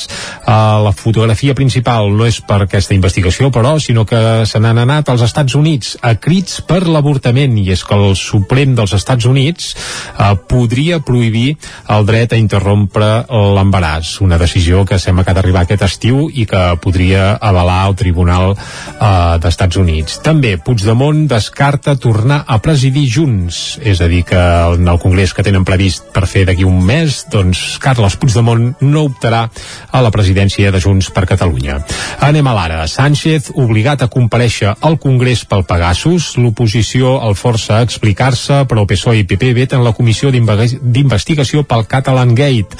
Torra i Costa, Torra, l'expresident, i Costa, Pep Costa, l'ex-vicepresident uh, del Parlament, porten el president espanyol als tribunals i el govern vol actuar com a acusació particular. Això també apareix a la portada. La fotografia, igual que passava amb el punt avui, és per, uh, bé, per Estats Units i per dones que reclamen el dret a l'avortament. Cop el dret a l'avortament als Estats Units. I això, una manifestació que es va fer ahir mateix ja quan es va conèixer aquesta decisió. Les escoles bressol públiques de a Barcelona no avançaran l'inici de curs, un altre titular que apareix a l'Ara, on també dediquen un raconet a Puigdemont eh, explicant que renuncia a continuar com a president de Junts. Deixem l'Ara, anem cap a l'avantguàrdia, titular principal, la pròxima derogació del dret a l'avortament encén als Estats Units. Eh, la filtració d'un esborrany de la sentència confirma la intenció del Suprem de canviar la seva doctrina que era vigent des del 1973, aviat és dit. També en un raconet, l'Euríbor se situa en terreny positiu per primera vegada des del 2016. Què vol dir això? Doncs que les hipoteques Creixeran. que en tinguem doncs ens pujaran. També el Barça, la Final Four en patiment, evidentment parlen del Barça de bàsquet que es va classificar per la Final Four de, de bàsquet. És avui que juga el City. Ah, sí, el City seria una altra cosa. El periòdico Pegasus deixa la directora del CNI contra les cordes i la fotografia també és pel cop a l'avortament als Estats Units. I ràpidament, cop d'ull a portades que s'editen des de Madrid, el país, el PP de Feijó, frena l'auge de Vox i empat amb el PSOE, això segons enquestes, evidentment, a l'ABC, Sánchez blinda Robles, però no a la directora del CNI, és a dir, que ja deixen entendre que aquesta dona Quin saltarà. Exacte, la raó, els experts del CNI no creuen que Sánchez eh, sobre no creuen a Sánchez sobre l'espionatge eh, de Pegasus, és a dir, el CNI no es creu el president espanyol, ras i curt, i el Mundo, el CNI va instruir fa un any el govern sobre com esquivar Pegasus. Els hi va fer classes, tu. Doncs no van servir de gaire, va. Ah, sí? No, no, no van servir de gaire. No, es veu que no, es veu que no. Uh, potser no anaven a classe, eh, a vegades, com que aquesta Ah, gent també. que... Sí, ja se sap. Bé, deixem els temes eh, d'espionatge, deixem els Pegasus, deixem els CNIs i anem a temes importants uh, de veritat, com són els musicals, tu. I avui estem d'enhorabona. Per què? Doncs perquè després de 4 anys, sense treure material nou, arriba el nou treball del Marc Parrot, el veí més il·lustre de Sant Quirze Safaja, el Moianès, que avui precisament avui, per tant és que és, és ben bé avui, eh, està d'estrena i publica Els Fets i l'Atzar. És el seu 11è disc que publica com a Marc Parrot, perquè abans n'havia tret com a Xaval de la Peca, algun altre invent. Eh, Ai, no em surt mai que el- aquell grup. Que el recordes, eh? Sí. També discos del Super 3, és que totes les cançons que ens sabem de memòria, segurament vinculades al Super 3, eh, moltes porten el segell de Marc Parrot, tant amb la música com amb la lletra, eh, per tant és que, clar, és que aquest home, encara que no vulguem, forma part de, de nosaltres. Doncs va, ara el que ha fet és un disc nou que es titula Els fets i l'atzar. Eh, ell mateix explica que li ha vingut sense ni voler-ho, per atzar, allò, mira, aquest temps, ara una cançó, ara no sé què, ha fet un cop d'ull allà, diu, ostres, ja en tinc 7 o 8, diu, va, deixa'm en fer 9, uh, perquè 10 Alegristo avui dia... mines, es deia el primer grup de Marc Parrot. Ah, carai, carai, ostres, doncs, Aquest- Déu-n'hi-do, Déu-n'hi-do, aquest uh, se'ns havia escapat, eh? Era de principis dels 90 i tenia una cançó brillant que es deia Sin luz, sin agua i sin gas. La cosa no ha canviat gaire, encara, encara ho patim, això. Doncs Sí, no, no, no. Uh, la vigència de les cançons iniciàtiques del Marc Parrot doncs està fora de tot dubte. Uh, doncs va, el que dèiem per això. Ara parlem dels Fets i l'atzar, que és el seu uh, 11è disc en solitari té nou temes, eh, aquest eh, disc, i en directe es presentaran al mateix format que ja presentava Refugi, és el seu darrer disc, eh? Refugi, el penúltim l'havia tret el 2018 i no sé si l'havies anat a veure alguna vegada. A la Iurca no, a la Val, no. doncs muntava una espècie de Iurca, això una tenda d'aquelles Mongo de Mongòlia, i es posava en format trio, ell mateix, el Lluís Cartes i el Dani Ferrer, i bé, tocaven i la gent s'asseia als voltants d'aquesta tenda i ells eren al mig i era allò 360 graus i era una cosa molt, molt curiosa. Doncs es veu que el directe d'aquest Els Fets i l'Atzar també anirà amb aquest format trio, amb Lluís Cartes i el Dani Ferrer, i això sí, no sabem si amb tenda o sense, però sí que el format eh, serà aquest. A la Iurca ja, els concerts que jo he vist darrerament ja eren en, eh, en època pandèmica, l'últim aquest estiu a GURB, i per tant no, no, no en pandèmia era, la Iurca no era... gaire aconsellable, això és evident. Sí, sí, sí.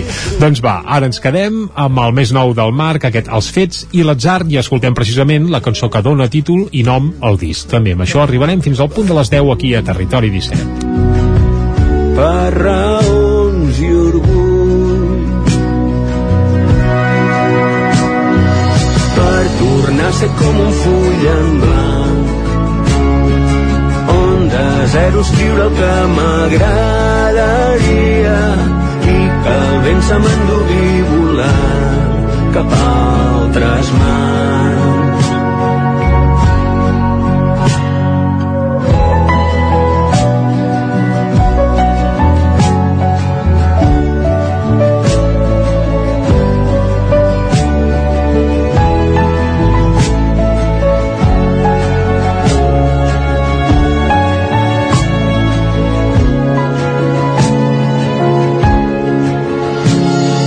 Podria dir tant però seria mentida.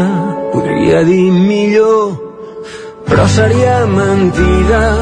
Podria dir veritat, però seria mentida. Em quedo entregat als fets i a l'atzar. Per tornar a ser com un full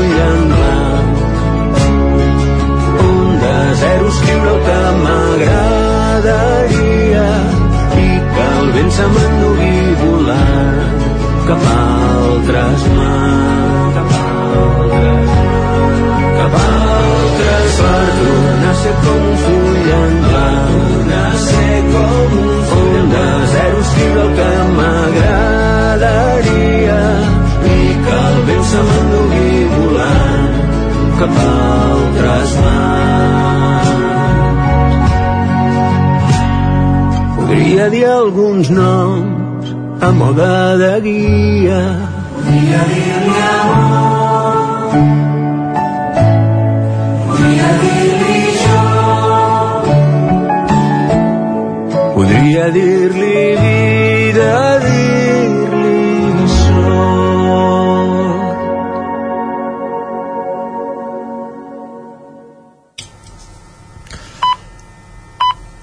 En punt, les 10 al Territori 17. Territori 17.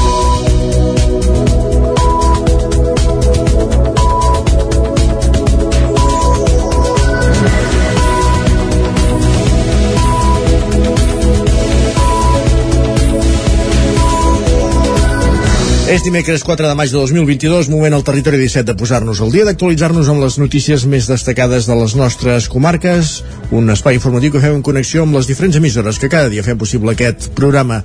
Ona Cotinenca, la veu de Sant Joan, Ràdio Vic, Ràdio Cardedeu, el 9FM i el 9TV. L'alcalde de Callatenes, Marc Verdaguer, substitueix Josep Arimany a la Diputació de Barcelona. El relleu estava pactat des de l'inici del mandat, però s'ha endarrerit un any pels efectes de la pandèmia. Verdaguer estarà al capdavant de l'àrea d'innovació, governs locals i cohesió territorial. El diputat provincial Josep Arimany va presentar la seva renúncia al càrrec a l'últim ple de la Diputació de Barcelona, celebrat dijous passat, i va passar la seva credencial a l'alcalde de Call d'Atenes, Marc Verdaguer, donant compliment d'aquesta manera al pacte dins de Junts per Catalunya que s'havia acordat entre els dos representants polítics usonencs a l'inici del mandat, ara fa 3 anys. Arimany tanca així una etapa de la qual fa una bona valoració. Escoltem a Josep Arimany. La valoració eh, per mi és positiva, hem pogut treballar molt, també ja hem tingut una, una situació excepcional com ha estat la pandèmia Covid i per tant l'àrea eh, tecnològica ha tingut d'aplicar tots els sistemes de teletreball. Per això això ha estat, ha estat un repte molt important que crec que ens hem sortit. La Diputació durant la pandèmia del Covid no ha parat i per tant ha anat treballant i per tant tots els funcionaris, que té 4.000 funcionaris, doncs ha, han pogut treballar des dels seus domicilis i a remot. Això ha estat un repte important. Al capdavant de l'àrea d'innovació, governs locals i cohesió territorial, Arimany, que també és regidor i membre de l'equip de govern de Vic, explica que s'ha sentit a gust i que no l'ha incomodat el fet de governar amb un pacte amb el PSC. L'escoltem. Aquest pacte que poder, a vegades hem parlat que és contra natura, però en canvi sí que ha estat beneficiós pel territori, sobretot per la demarcació de Barcelona i per sobretot, sobretot no oblidem, fora de l'àrea metropolitana.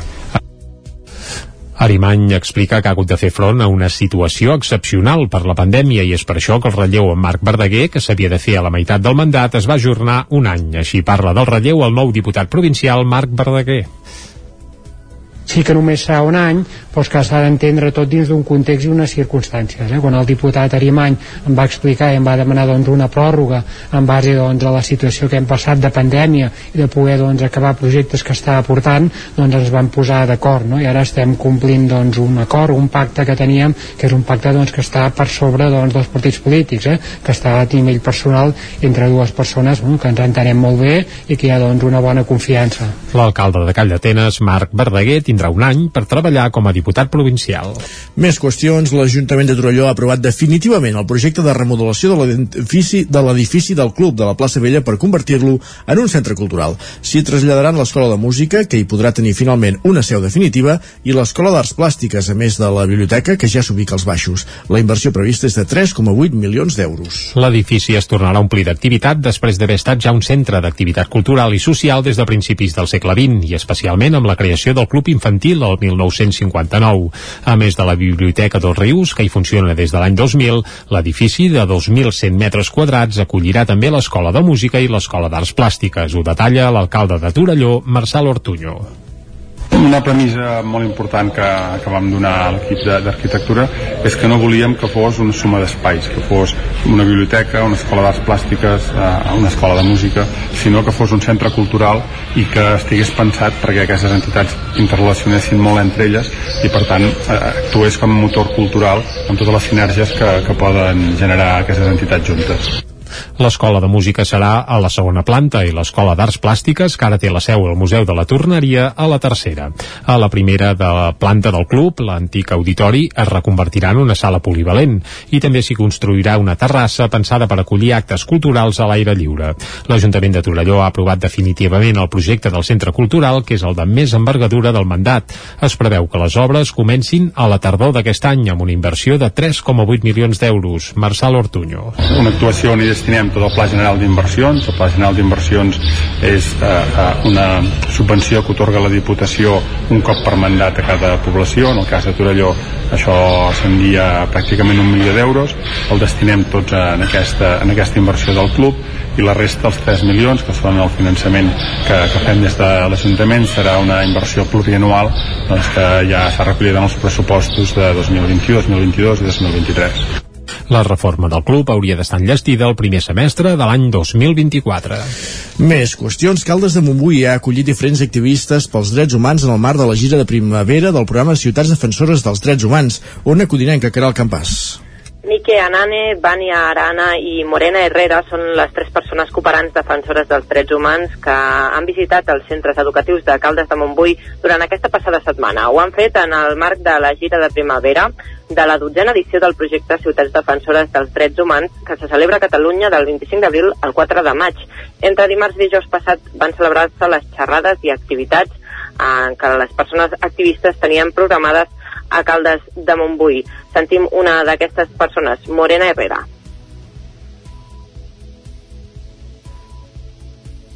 Uh, no podem aconseguir el tall. Uh, Morena Herrera va ser qui va parlar a l'Institut Manolo Hugué amb la xerrada La dona i l'exercici de la llibertat. Com a tancament del cicle de xerrades va ser la pròpia Herrera qui va ser rebuda per l'alcalde Isidre Pineda i la regidora de cooperació Laia Cuscó a l'Ajuntament de Caldes de Montbui. En el seu pas pels municipis catalans, els cooperats, aquests cooperants protagonitzen diferents activitats d'incidència política i social i en aquesta edició també s'han abordat altres temes transversals com la defensa de la terra i el medi ambient, la defensa dels drets de les dones i el col·lectiu LGTBIQ+, dels drets civils i polítics i del dret a migrar i a l'asil.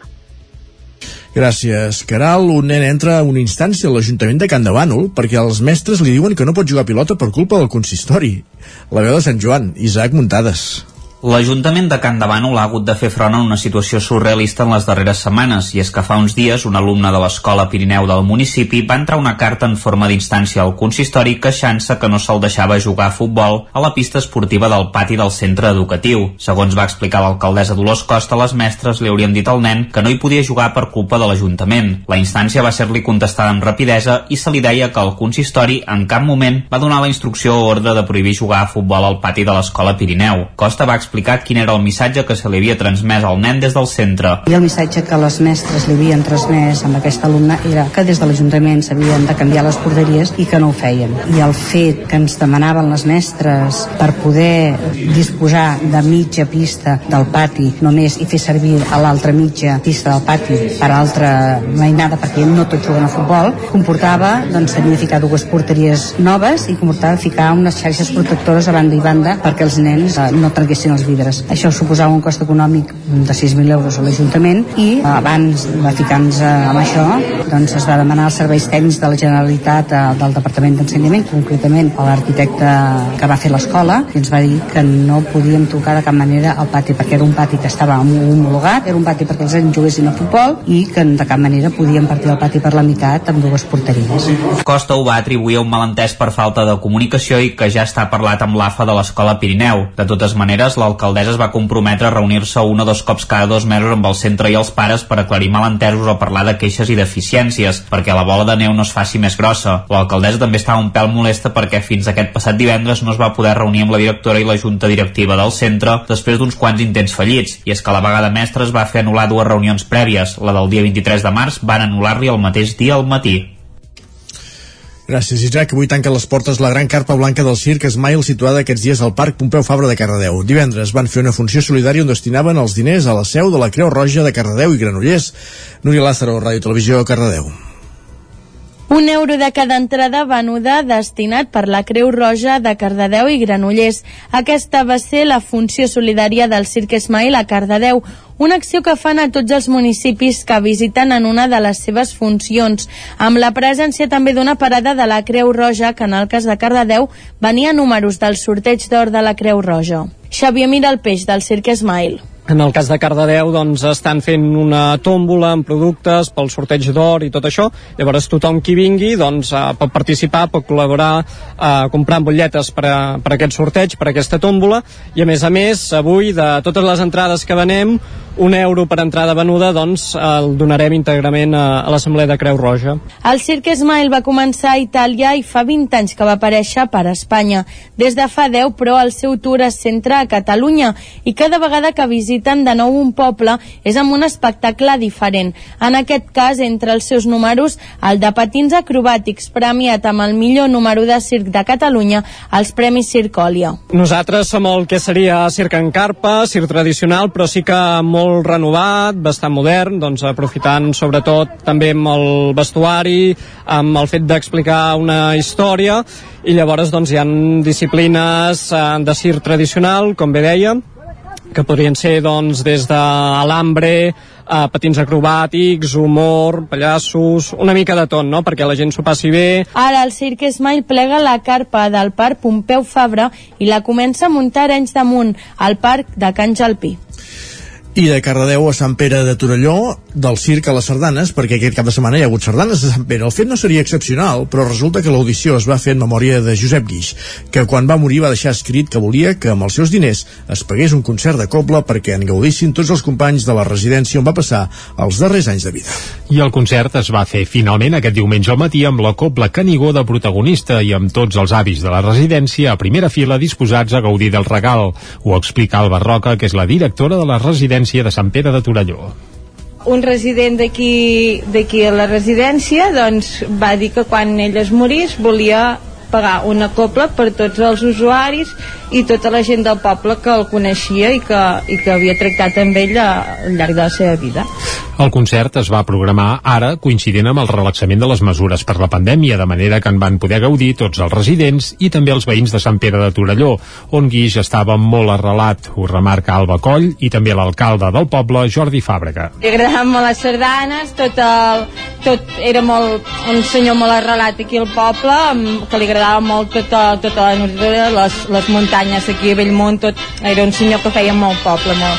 En Josep Guix, amant de la natura, amant de la cultura catalana, amant de la sardana, enamorat de totes les tradicions culturals i molt catalanista, ell abans de morir va deixar clarament que el, quan es morís, les coses que ell volia pagar és que en agraïment a la residència, en agraïment al poble de Sant Pere, doncs vingués la Coral Canigó, no? I per tant això va deixar-ho escrit i avui s'ha pogut realitzar qui va amenitzar el matí de diumenge a Sant Pere de Torelló no va ser la coral Canigó, sinó la Cobla Canigó, una formació arrelada a la Vall del Gès, com el mateix Josep Guix, que amb un gest com el de diumenge segurament perdurarà per sempre en la memòria dels seus convilatants. Gràcies, Jordi. Arribats a aquest punt, el que fem tot seguit és fer un repàs de la previsió meteorològica. Hem repassat les notícies de les 10 en companyia de Jordi Sunyer, Caral Campàs, Núria Lázaro i Isaac Muntades. És moment ara de saludar en Pepa Costa. Casa Terradellos us ofereix el temps. A primera hora del matí ja l'hem escoltat, en Pep ens ha fet una mica de balanç de les tempestes d'ahir i ara li haurem de preguntar si això tindrà continuïtat avui o no. Pep, va, bon dia de nou. Hola, molt bon dia a tothom. I molt bona hora. I el dia d'avui, tot i que encara ja veiem bastants núvols ara, farà força sol. No Ah, serà uh, un dia com el d'ahir, eh, tan tapat i amb pluja com ahir, ni de bon tros. Farà força sol fins al migdia, tot i això eh, encara es donen, es, donen les característiques, es donen les condicions ideals perquè a la tarda puguin créixer nuvolades nuvolades que poden deixar algunes precipitacions, sobretot cap a la zona del Pirineu. Precipitacions que seran eh, en forma de, de ruixat, eh, eh, inconexos, eh, no serà una precipitació eh, més o menys general com la d'ahir, ni de bon tros, seran eh, ruixats molt irregulars i que poden deixar eh, precipitacions sobretot a les- zones de muntanya avui a la tarda ja, eh? ja no serà una pluja general les temperatures al fer més sol eh, hi haurà bastantes més hores de sol que no pas ahir pujaran ja superaran els 20 graus a bastantes poblacions per tant unes temperatures més normals per l'època de l'any i a destacar el gran contrast entre el dia i la nit moltes poblacions per sota dels 10 graus a nit per sobre dels 20 graus de dia, eh? gran contrast tèrmic entre el dia i la nit. I els vents de direcció variable, eh, poc importants, no farà molt de vent ni de bon tros. I això és tot, això és tot, el més, això és tot el més destacat del dia d'avui, un dia que eh, una mica més de, de sol, d'estabilitat, però a la tarda encara que seran nuvolades i encara hi pot haver alguna precipitació. De cara als pròxims dies sembla que la pertorbació s'allunya i l'estabilitat serà el gran protagonista. Moltes gràcies, adeu. Gràcies a tu. Bé, de moment i el sol no el veig, eh, encara, almenys el malic de la plana, però vai, aviam, aviam si treu el cap i ens queda clar que aquesta tarda encara es pot escapar alguna tempesta, però sembla que a partir de demà això ja amainarà.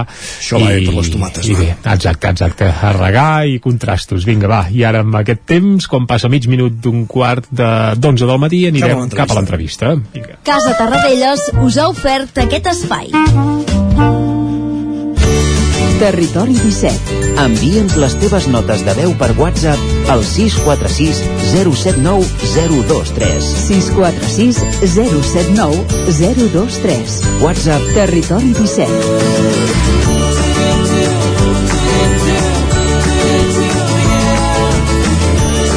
Territori 17. Som a Facebook, Twitter i Instagram amb l'usuari Territori 17.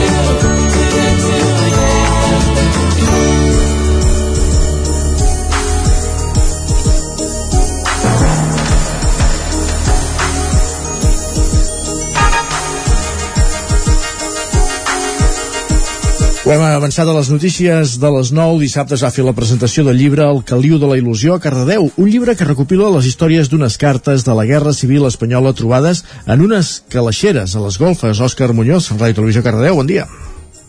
Bon dia.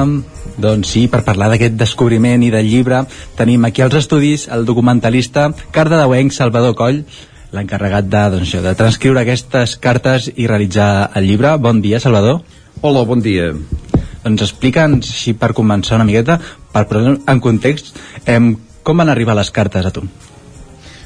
Les cartes em van arribar a mi el gener del 2019 quan feia, cele- vam celebrar una exposició i diversos actes amb motiu dels 80 anys de la finalització de la Guerra a Cardedeu.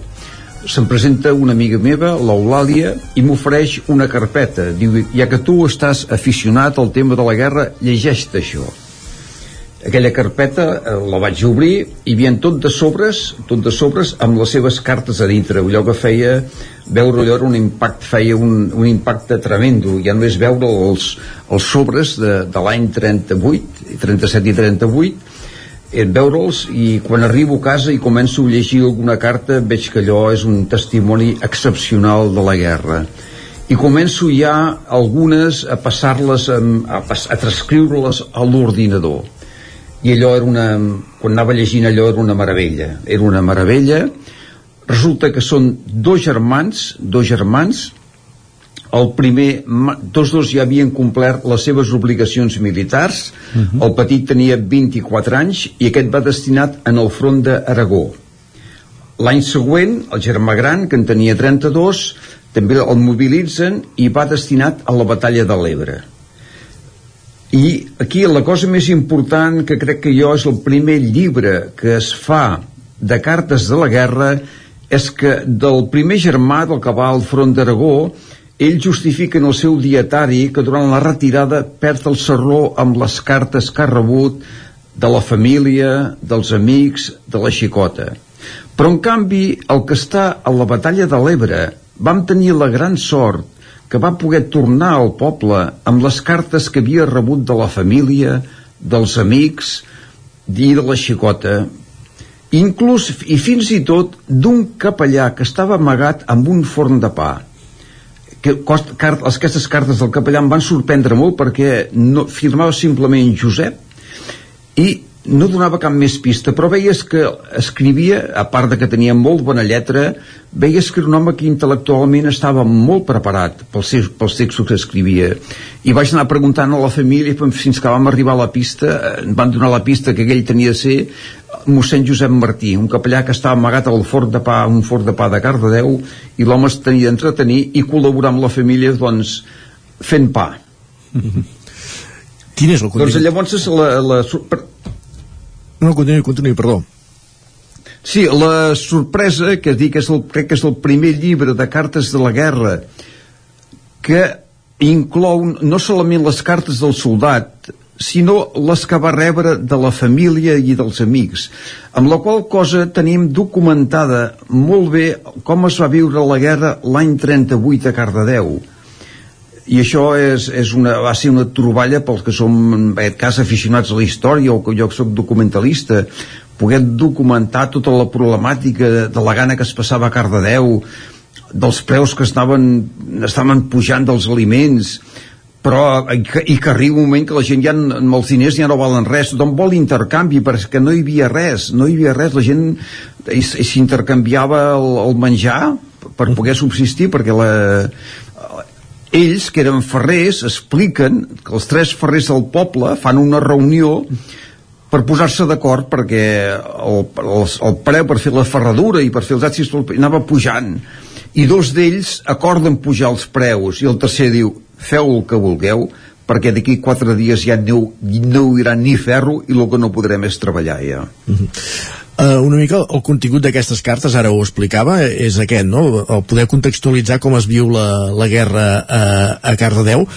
Uh, què, què més hi troba, diguéssim, o què més pot destacar de- d'aquestes cartes un cop les hi ha les mans? fragments, mo, fragments molt interessants perquè, és clar aquí no són unes memòries escrites al cap d'uns anys amb uns records que ja po poden haver eh, pots tenir una visió diferent sinó que, és clar s'escrivia dia a dia i al haver-hi molts personatges que hi escrivien, molts personatges que agafaven la pluma, la plumilla, perquè esclar, en aquell moment no hi havia bolígraf, per explicar cada, la seva, les angoixes que hi havien, la por, les temences, els soldats de Cardedeu que havien mort, els altres que els havien ferits, que tot això es va explicant allà, clar, això és un document de, de, i per mi eh, que té una, té una vital importància saber com es vivia la gent també hi ha cartes iròniques eh? també hi ha cartes amb bromes, amb bromes eh? Uh -huh. vull dir, però es- està si em permeteu us puc llegir un, un, algun fragment que són, sí. que són molt interessants perquè era una gent que tots estaven pràcticament tots vinculats al moviment associatiu a Cardedeu molts havien format part del grup de teatre o de la coral vull dir que era gent amb una certa, una certa cultura i la veritat és que escrivien, escrivien molt bé molt bé. si en voleu una, en plan una mica irònic sí. que, fi, que envien aquest des del que, el soldat que està a la batalla de l'Ebre diu aquest matí he fet de bugadera i quin brillo que hi tinc m'he rentat una camisa uns calçotets dos mitjons una tovallola i dos mocadors. Tot ha anat com una seda. Ara sí que reconec que les dones no teniu gaire mèrit. Doncs si em veiessis cosir sóc un as. Vaja, fins i tot jo em quedo parat de la traça que hi tinc. Aquesta és una certa ironia. Llavors n'hi ha un altre que descriu un senyor que va viure el bombardeig a Granollers. Diu, vaig passar durant l'estança a Granollers el bombardeig que per aquelles casualitats de no ser la teva hora em vaig escapar per trobar-me aquell moment a casa dels meus pares i no haver arribat allí cap de les bombes deixades anar, igual que a ningú dels meus familiars. Tots per ara ho podem explicar, inclús la visió macabra de veure la quantitat de morts i ferits que hi va haver, després de l'espectacle de la fi del món que produeix l'espatec, els esfondraments i les grans fumarades causades per les bombes. déu nhi Vull dir, com aquests en podíem triar molts de, de fragments, de fragments su, superinteressants que et donen que, que encara que sigui una cosa escrita fa 80 anys però que no és cap anacronisme vull dir que, que t'ho fan viure els, ho sents, a més esclar és important. Quan llegeixes el llibre situar-te en el context d'una població, d'una família que estava en guerra, dos nois al front, un ja comença a estar malalt, un ja comença a agafar les febres en el fons d'Aragó, ja, ja, ja, ja té, ha d'anar per, per diversos hospitals, eh, has d'agafar-te amb el context del que estava passant uh -huh. i... Uh -huh. Com va ser clar, si vas rebre les cartes, les vas transcriure, va, et va ser complicat lle llegir, perquè potser, clar, les cartes les enviàvem des de Cardedeu, però també les enviàvem des de, des de les Terres de l'Ebre, les enviàvem des d'allà de, des mateix. Va ser estrany, o sigui, difícil llegir les cartes i entendre-les, o les vas entendre...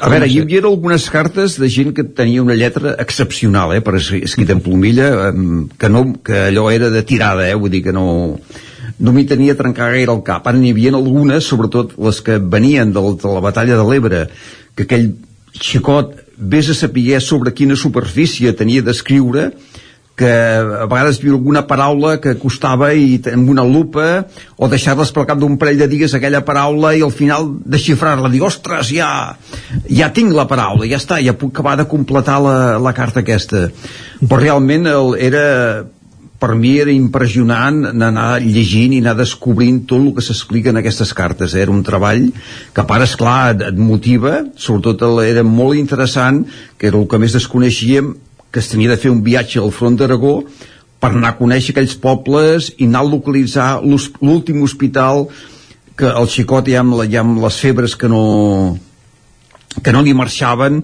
l'últim hospital que està abans de que amb un tren, amb un tren hospital el portessin ja cap a Barcelona era anar, anar a descobrir aquells poblets que estan pràcticament igual que quan ells són poblets petits l'entorn de la ciutat d'Osca poblets de 200 habitants que la feina era trobar algú que ens, ens aparegués pels carrers que li poguéssim preguntar alguna cosa va ser, va ser molt interessant i també vam anar a fer recerca en els pobles que ell va estar a la batalla de l'Ebre sobretot els pobles de la retirada que allà sí que les cartes la censura que no era, ja no era tan, tan severa i podia posar des de quin lloc escrivia. Un exercici interessantíssim el que ha pogut fer eh, Salvador Coll a partir d'aquestes cartes i que, com dèiem, s'han publicat en aquell llibre, el Caliu de la Il·lusió, a Cardedeu, entre aquesta, aquesta, aquestes cartes d'aquesta família que tenia dos fills al front i que s'intercanviaven aquestes cartes des de Cardedeu durant el conflicte de la Guerra Civil Espanyola. Gràcies per ser avui al Territori 17, Salvador. Ja està. Moltes gràcies, eh, a vosaltres, bon eh? Adéu-siau. Adéu gràcies també, Òscar. Uh, avancem, continuem fins ara. Continuem al territori 17, tot seguit fem una petita pausa per la publicitat. Serà moment després de repassar el més interessant que hem trobat a Twitter amb en Guillem Sánchez. Passarem per la taula de redacció amb la Caral Campàs i en Jordi Vilarrodà. I abans de les 11 serà el torn del Lletra Ferits uh, en companyia també avui de, de la Caral Campàs des d'una codinenca coneixent aquesta novel·la La màgia de les motxilles. Fins ara mateix el nou FM, la ràdio de casa, al 92.8. Cobertes serveis funeraris. Els nostres tanatoris estan ubicats en els nuclis urbans més poblats de la comarca d'Osona per oferir un millor servei. Tanatori de Vic, Tanatori de Manlleu, Tanatori de Centelles i Tanatori de Roda de Ter. Sabem que són moments difícils i per això el nostre compromís és atendre-us en tot moment amb un tracte humà, sensible i respectuós. Cobertes serveis funeraris. Telèfon 24 hores 93 883 23 46. A El Racó de León ja és primavera. Gaudeix de la nostra terrassa. Vine a tastar les xuletilles de lechal a la brasa amb una bona amanida o el xuletón de vedella gallega. No et pots perdre el nostre lechado de Castilla al forn o el cochinillo a l'estil de Segovia. Tot acompanyat del millor celler, al menjador o fora la terrassa. Descobreix la millor cuina de Lleó sense moure't de casa. Vine amb la família, els amics, la parella o sol. T'encantarà. El racó de León, cuina tradicional lleonesa i de mercat. Som al carrer Torelló número 35 de Vic. Per reserves, telèfon 93 889 1950. El racó de León, una cuina diferent. A Bailen sabem que quan té una avaria a la seva caldera vol una solució ràpida. Truqui al servei tècnic oficial Bailen i els nostres tècnics vindran ràpidament a solucionar-li el problema. A més, si canvieu ara la caldera, us regalem fins a 300 euros. Truqueu al 910 77 88 77 o entreu a bailan.es. Has d'organitzar un esdeveniment? A l'Ineixat lloguem les cadires, taules, plats, coberts, rams de flors i tota la decoració necessària per preparar qualsevol esdeveniment. Vine a buscar material per a festes, casaments, celebracions culturals, espectacles, concerts o reunions d'empresa i de família. Ens pots venir a veure al passeig de la Generalitat número 52 Baixos de Vic, buscar-nos a les xarxes o trucar-nos al telèfon 670 38 96 25. Ah, i també ens trobaràs a Girona. A l'Ineixa tenim tot el que pots necessitar per fer-te la vida més fàcil. Cocodril Club. Si t'agrada la bona música dels anys 60, 70 i 80, escolta el 9 FM els matins de dissabtes i diumenges d'11 a 1. És el temps del Cocodril Club, tot un clàssic de la ràdio, amb les bases del pop-rock, les llegendes, les cançons que s'han convertit en autèntics himnes. Recorda, dissabtes i diumenges al matí, d'11 a 1, al 9 FM 92.8. Cocodril Club, el programa revival de l'Albert Malla. Hasta luego, cocodrilo. Anuncia't al 9FM. La màquina de casa. 9 3 8 8 9 4 9 4 9. Publicitat arroba al 9FM.cat. Anuncia't al 9FM. La publicitat més eficaç. El 9 FM, el 9 FM, el 9 FM, el 9 FM. En punt dos quarts d'onze al territori 17.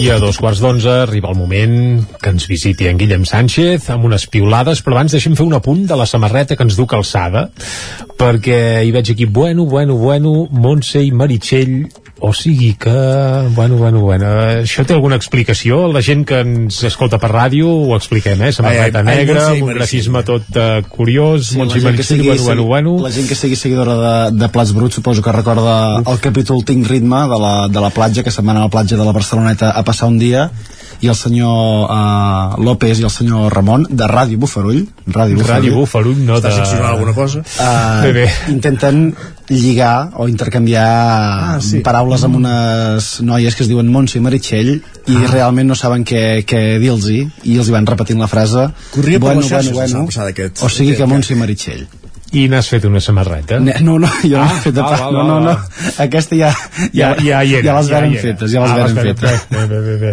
Molt bé, va, doncs fet aquest uh, aclariment i aquest apunt de nostàlgia televisiva, uh, anem a... L'Isaac era de plats bruts, eh? jo també l'engolia. Quan fa d'això, de plats bruts? més. 20 anys? Ja fa 20 anys? L'any passat crec que, ai, el, el mes passat crec que va fer 20 anys. Mare meva, com Admeto passa que era més de temps. porca misèria, però vaja, però sí, també me'ls mirava. Molt bé. Va, fet aquest, això, aquest punt, anem a l'actualitat, reculem 20 anys endavant, o avancem 20 anys endavant, i ens situem al Twitter d'avui, que s'hi cou ara mateix, Guillem. Doncs hi cauen molts comentaris que potser eh, podrien tenir a veure amb aquests dies de, de, de, de pluja, que Mm. podríem aprofitar per recuperar capítols de, de plats bruts a casa, amb el sofà, amb la manta, per exemple. Ah, deixa'm dir que en Pep Acosta ja ens ha comentat que avui potser és l'últim dia ja, eh, de tempestes. Doncs potser avui és l'últim dia que en Claudi pot fer tuits com el que ens escriu, diu molt a favor d'estar a la feina treballant i sentir la pluja com cau a fora. Doncs bé, és una sensació que a ell suposo que li deu, Fantàstic. li deu agradar molt. La Carla, per això ja no en vol més d'aigua, diu prou de pluja que se'm mullen les ulleres, això és un problema per la gent que portem ulleres quan, quan sortim a fora, un dels molts problemes. I en S'ha Joan... comentat parabrises per les ulleres. Sí. Bé, o per aigües grossos També. i que en teoria ja no li arribi bé l'aigua a les ulleres. I en Joan ens exposa, diu, ja he vist el primer home amb samarreta de tirants, no m'ho poseu tan difícil, endavant, pluja de primavera. En Joan entenc que deu voler que plogui encara més i que espatlli una mica la guitza amb aquests que, que ja portem portem pantalons curts i samarreta de màniga curta sempre. Es pot anar amb pantalons curts i màniga curta i que vagi plovent, que prou falta que fa i a més, escolta, els boscos també ho necessiten, que ve un estiu que bé, tant de bons agafi això, amb tot verd i humit. Va, més. Els de Poble, com suposo que és aquest usuari de Twitter, ja n'estan per això una mica tips. Ens escriuen el pròxim pixa-pic em miri malament per estar gaudint de la pluja sense paraigües, me'l carrego. Primer avís. és que un dels grans plaers que hi ha al món és passejar sota la pluja, sense paraigües i sense res. Això sí, Això després tot. aconsellem anar cap a la dutxa per I no agafar tant. una calipàndria, eh? però vaja. Sentir la pluja que cau i ens mulla, deia una cançó de Sau, imagina't. Imagina't. La pluja que... Ai, ai, ai, ma- mare Déu, com, com anirem... com lliguem cosa. Està plovent i no tinc cap pressa. Aquesta- Està plovent aquesta i no... pets. Exacte. I el que no sabem és si la Júlia va haver de córrer i per agafar l'autobús perquè estava plovent, però ens escrivia llavors, diu, el conductor de l'autobús m'ha vist corrent a través de la finestra quan arribava a la parada i m'ha mirat des de dins, rotllo, no et preocupis, i quan he pujat al bus traient mig pulmó per la boca m'ha dit, bon dia, tranquil·la, ja t'he vist. Que és maco, això. Que bonic, Oh, que és maco bonic. perquè no sol passar. No sol passar. És, no sol passar. I menys entre el gremi del conductor d'autobusos, que no entrarem a detallar de No. no. peu calcen, però la simpatia no acostuma a anar gaire de bracet. Llança a favor d'aquest conductor Ho ha dit en Jordi, eh? Ho ha dit en Jordi. Sí, sí, ho he dit Això. jo, ho he dit jo, però ja he dit que no acostuma, no, vol dir que no n'hi hagi algun que, que sigui de bona geia. Va. No, jo he vist gent fer baixar uh, uh, usuaris perquè portant un bitllet de 50 i, no, no, i tenen per directriu no donar canvi. Imagina't, imagina't. Va, i des de casa, el qui ens proposa també més feina o un programa diferent és el nostre company en Guillem Freixa, no sé si el vau llegir, llegir ahir el tuit que feia. No. No? Però ens el llegiràs tu. Diu, proposo fer retransmissions televisives de gent que busca aparcament a primera hora del matí. Diu, serien molt emocionants. Bé, uh, alguns racons de Vic donaria per molt, això, eh? Sí, de fet, li va... I de Granollers. I de... Sí, bé, sí, de sí. fet, I de fet en Martí Rovira li va respondre aquest missatge amb en, mm. amb en Guillem i li deia, diu, format econòmic, hores de concurs assegurades i no caldria ni premi pel guanyador. S'hauria d'emetre a la nit, però en horari protegit. Clar, el premi pel guanyador seria trobar l'aparcament, eh? I tant. Uh, ja, el, tri, ja el tindríem. Bé, doncs... No es descarta, eh? Escolta, avui dia... eh, S'han fet coses molt diferents que no ens tant, pensàvem que s'haurien- i segurament pitjors i, escolta, i acaben triomfant. Va, això ens ho apuntarem. Va, i de manera molt ràpida, l'Albert enceta un debat curiós, diu, a quina data es deixa de muntegar roba a la cadira? Mai. Mai? Sí, jo, jo no hi he arribat encara, no, no, i mira que n'acumulem uns quants ja. Tot i això sempre passa millor, suposo, amb música, com ens diu en Jaume, que diu, per plegar la roba em poso música, avui tocava aquesta meravella dels suecs In Flames, la nena ha vingut corrents a ballar amb mi, m'ha sortit rockera. Doncs felicitats, tu amb música passa tot, tot millor. Això sí que ho podem confirmar i reafirmar al 100% i ho subscrivim totalment. Doncs va, amb música o sense, t'acomiadem, Guillem, gràcies. Fins demà, que la musiqueta bé. dels tuits de fons. I I, ara el que fem, digitals. exacte, és fer un cop d'ull als digitals, al 99.cat. Comencem al Vallès Oriental, cobra explicant que els instituts públics del Vallès Oriental guanyaran 8 cicles nous de cara al curs que ve.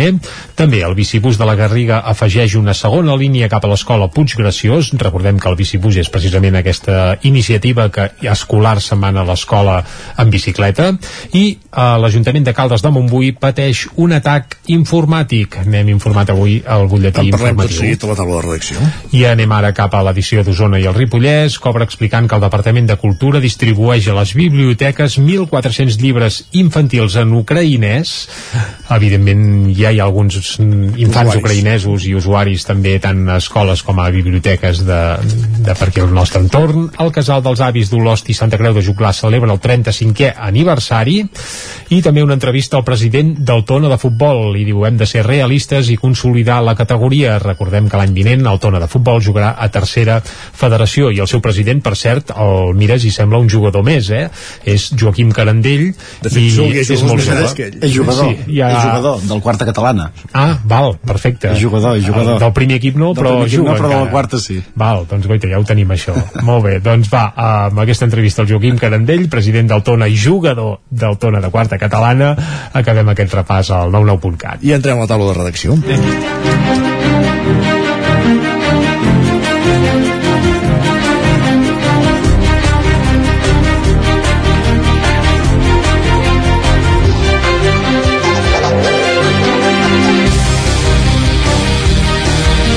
Quan passen 7, mi 7 minuts i mig de dos quarts d'onze, per tant, dos quarts i mig d'onze d'aquest matí de dimecres 4 de maig entrem, com dèiem, a la taula de redacció empleant aquesta, aquest titular que, que donàvem a les 9, que també llegíem ara al 99.cat, que és aquest ciberatac que ha patit l'Ajuntament de Caldes de Montbui, que era el campàs. Bona continent, que bon dia.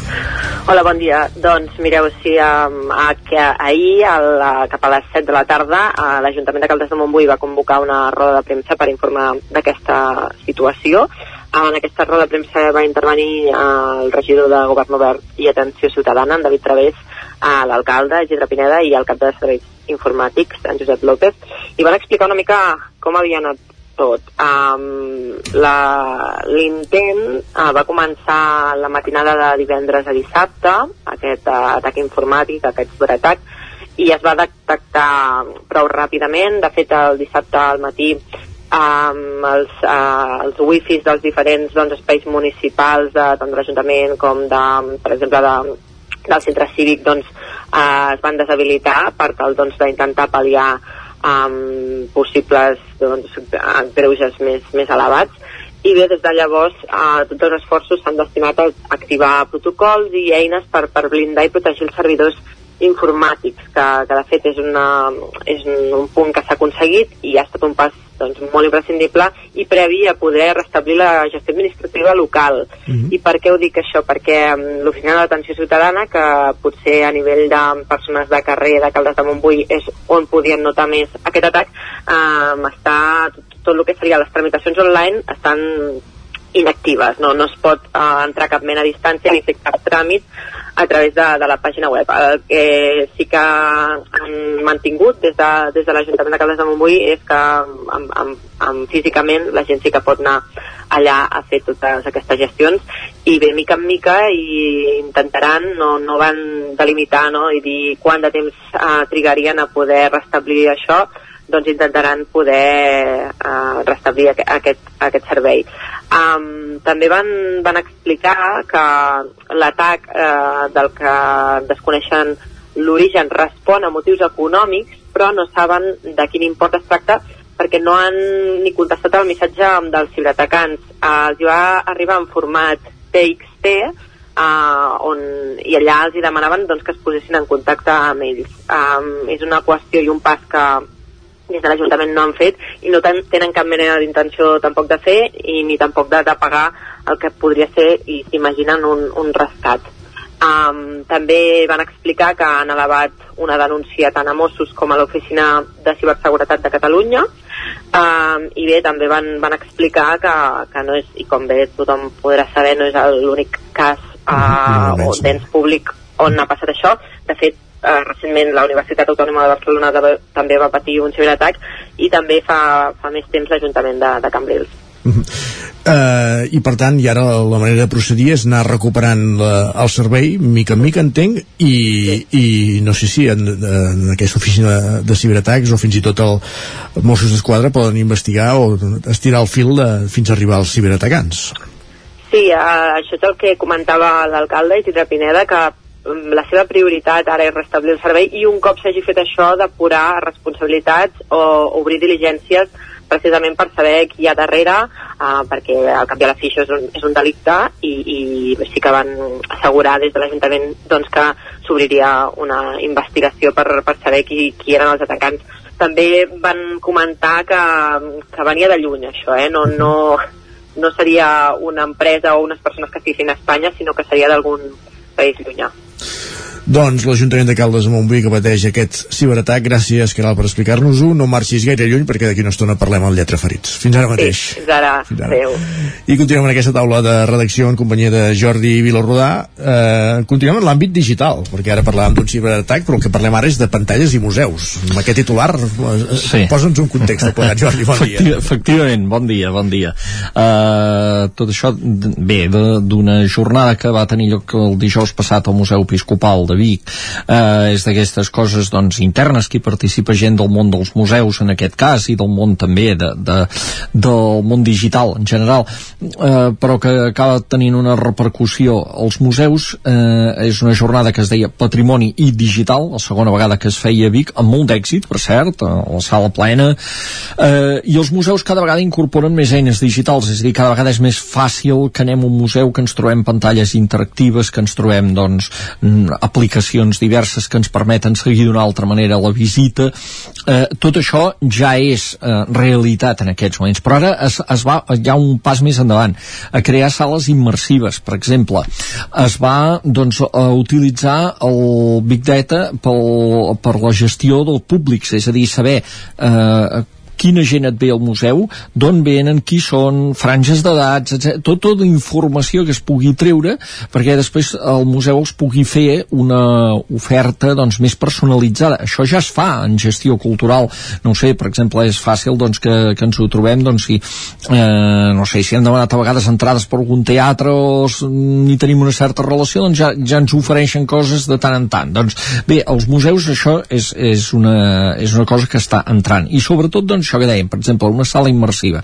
Això es crearà en un museu de, de Vic, eh, s'agafarà una part, en el Museu Episcopal, s'agafarà una part de la sala del soterrani, diguem, allà hi ha on hi ha les, el lapidari, que es diu les peces de pedra, que és un espai bastant ampli que hi ha, doncs, tot això, per entendre'ns, també és les sales on hi ha la mòmia, la famosa mòmia. Aquesta no es toca, però algunes de les peces de pedra marxaran, se n'aniran a magatzem, per crear una sala immersiva on la gent entri allà i tingui com l'experiència d'estar eh, o sigui, en un temple al segle XII treure la sensació aquesta de que eh, era l'època medieval fosc i, i, i al contrari, o sigui, mostrar que era, que era un festival de colors, que entrar en una església a vegades volia dir veure doncs, tot de colors a les, a, als murals, a les parets. D'alguna manera es vol recrear aquesta sensació perquè la gent que, que visita el museu abans pugui passar per aquí i entrar una mica en, en l'època, en el segle XII. És una de les coses que farà el Museu Episcopal de Vic per, per, per anar-se adaptant tant, ja ho està fent els últims anys, però de les noves, aquí es farà una inversió molt important, de fet serà una inversió de mig milió d'euros, eh, finançats eh, no ben bé la meitat pel Departament de Cultura de la Generalitat, entrarà també la Diputació, fons propis, o sigui, es fa una inversió important que inclou això, que inclou la remodelació de la web, també, eh, una web que hi haurà podcasts, eh, la idea de crear relat, no només basat en, o sigui, a partir de les peces crear un relat sobre la... està de moda això dels relats sobre l'època medieval etc etc. Mm, fins i tot l'entrada al museu d'aquí doncs, l'any que ve la veurem canviada. La gent entrarà al museu i a més a més es trobarà una pantalla de vídeos, un video wall doncs, allà on Carai. hi ha la recepció del museu. Uh, per tant, doncs, el Museu de Vic és un exemple d'això que estan fent altres i que s'explicava en aquesta jornada, de com anar incorporant les tecnologies mm, que, que, que van sortint, no en direm noves tecnologies, perquè sempre són noves, van sortint, doncs eh, a l'experiència dels museus. Van venir altres museus de Catalunya eh, a explicar-ho, doncs sí, sí. des de la Fundació Miró fins al Museu de la Vida Rural, explicar experiències, o una empresa que té, doncs, eh, ha desenvolupat una aplicació per això, per gestionar, per saber informació sobre els visitants. Eh, doncs, i, i es trobaven empreses amb eh, responsables de gestió gestió de museus aquí. Era gairebé com una mena de fira. De Molt fet, s'està sí, sí. pensant que l'any que ve pugui no fer-se al museu, sinó fins i tot fer-se en el recinte firal, que pugui ser una, una, una fira més que s'incorpori a l'oferta de fires de la ciutat. De fet, eh, d'experiències immersives no cal anar gaire lluny del museu, perquè hi ha hagut el Vic.0 durant pràcticament dos anys, Exactament. que hi havia una experiència espectacular en aquest sentit. Exactament, el Vic.0 és una experiència immersiva, de fet, eh, uh mhm. -huh. entrar allà doncs, a la capella Fonda de la Pietat i veure doncs, tot el que et van proporcionar les imatges que, que hi ha allà. Un altre museu usonenc que recorre molt les pantalles, per exemple, que és el Museu de l'Esquerda, de Roda, de Roda, que potser molta gent encara no l'ha vist perquè és relativament nou, però, clar, l'arqueologia arqueologia, eh, si un va al jaciment de l'esquerda, veu unes parets, veu, veu allà doncs, un, uns basaments d'una muralla, d'unes cases, etc. Les pantalles permeten recrear coses de la vida ibèrica, eh, doncs, eh, de l'època carolingia visigoda eròtica, etc. tot allò que, que, que no pots veure doncs eh, t'ho complementen les, les pantalles, és un museu de moltes pantalles de molts interactius, el de l'esquerda mm -hmm. doncs això és clar, cada vegada més doncs cap aquí acabat també el Museu Episcopal de Vic gràcies Jordi per ser avui a la taula de redacció molt bé, bon dia bon dia i nosaltres el que fem és avançar, repassar de la taula, anem cap al Lletra Ferits, parlem de llibres tot seguit.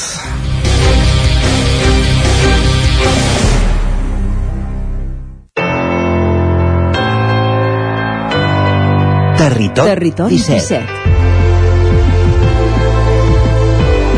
Territori 17.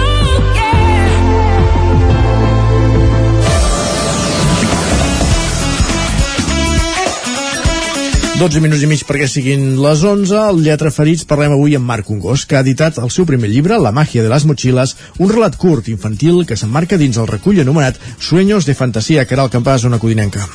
Sí, és un relat amb un missatge molt potent i bonic a darrere, que de fet es va presentar fa unes setmanes al Centre Democràtic i Progressista de Caldes de Montbui i per parlar-ne tenim el seu autor, Marc Congost, a l'altra banda de la línia telefònica. Bon dia, Marc. Hola, què tal? Bon dia. Abans de parlar d'aquest missatge que deia bonic i potent que hi ha darrere, eh, com t'arriba la proposta de participar en aquest projecte a eh, Sueños de Fantasia? Doncs bé, la veritat és que és una proposta de, de, de crowdfunding que engega l'editorial Diversitat Literària en el que bueno, ens selecciona una sèrie de una sèrie d'autors que eh, bueno, teníem unes certes, unes certes eh, necessitats, un cert interès en, en escriure relats de, de, de fantasia, no? d'infantils juvenils, i en aquest, eh, en aquest conjunt doncs, d'interessos doncs, eh, i, de, i de trobada de voluntats doncs es, ens trobem per, per, per, per crear aquest, aquest conjunt de, de relats de sueños de fantasia. Uh -huh.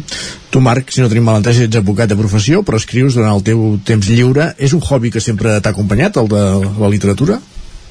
Sí, la veritat és que sí, és un hobby que sempre m'ha acompanyat, sempre m'ha agradat molt, molt escriure, realment. Uh, és una cosa que faig amb, amb molta passió, uh, sobretot quan escric eh, fantasia, quan escric novel·la, quan, quan escric eh, coses que no són de la, de la meva feina realment, perquè uh, la feina d'advocat hem d'escriure moltíssim uh -huh. i a desconnectar de la manera tècnica d'escriure i escriure doncs, de, de forma més, més relaxada m'agrada molt, molt la veritat uh -huh.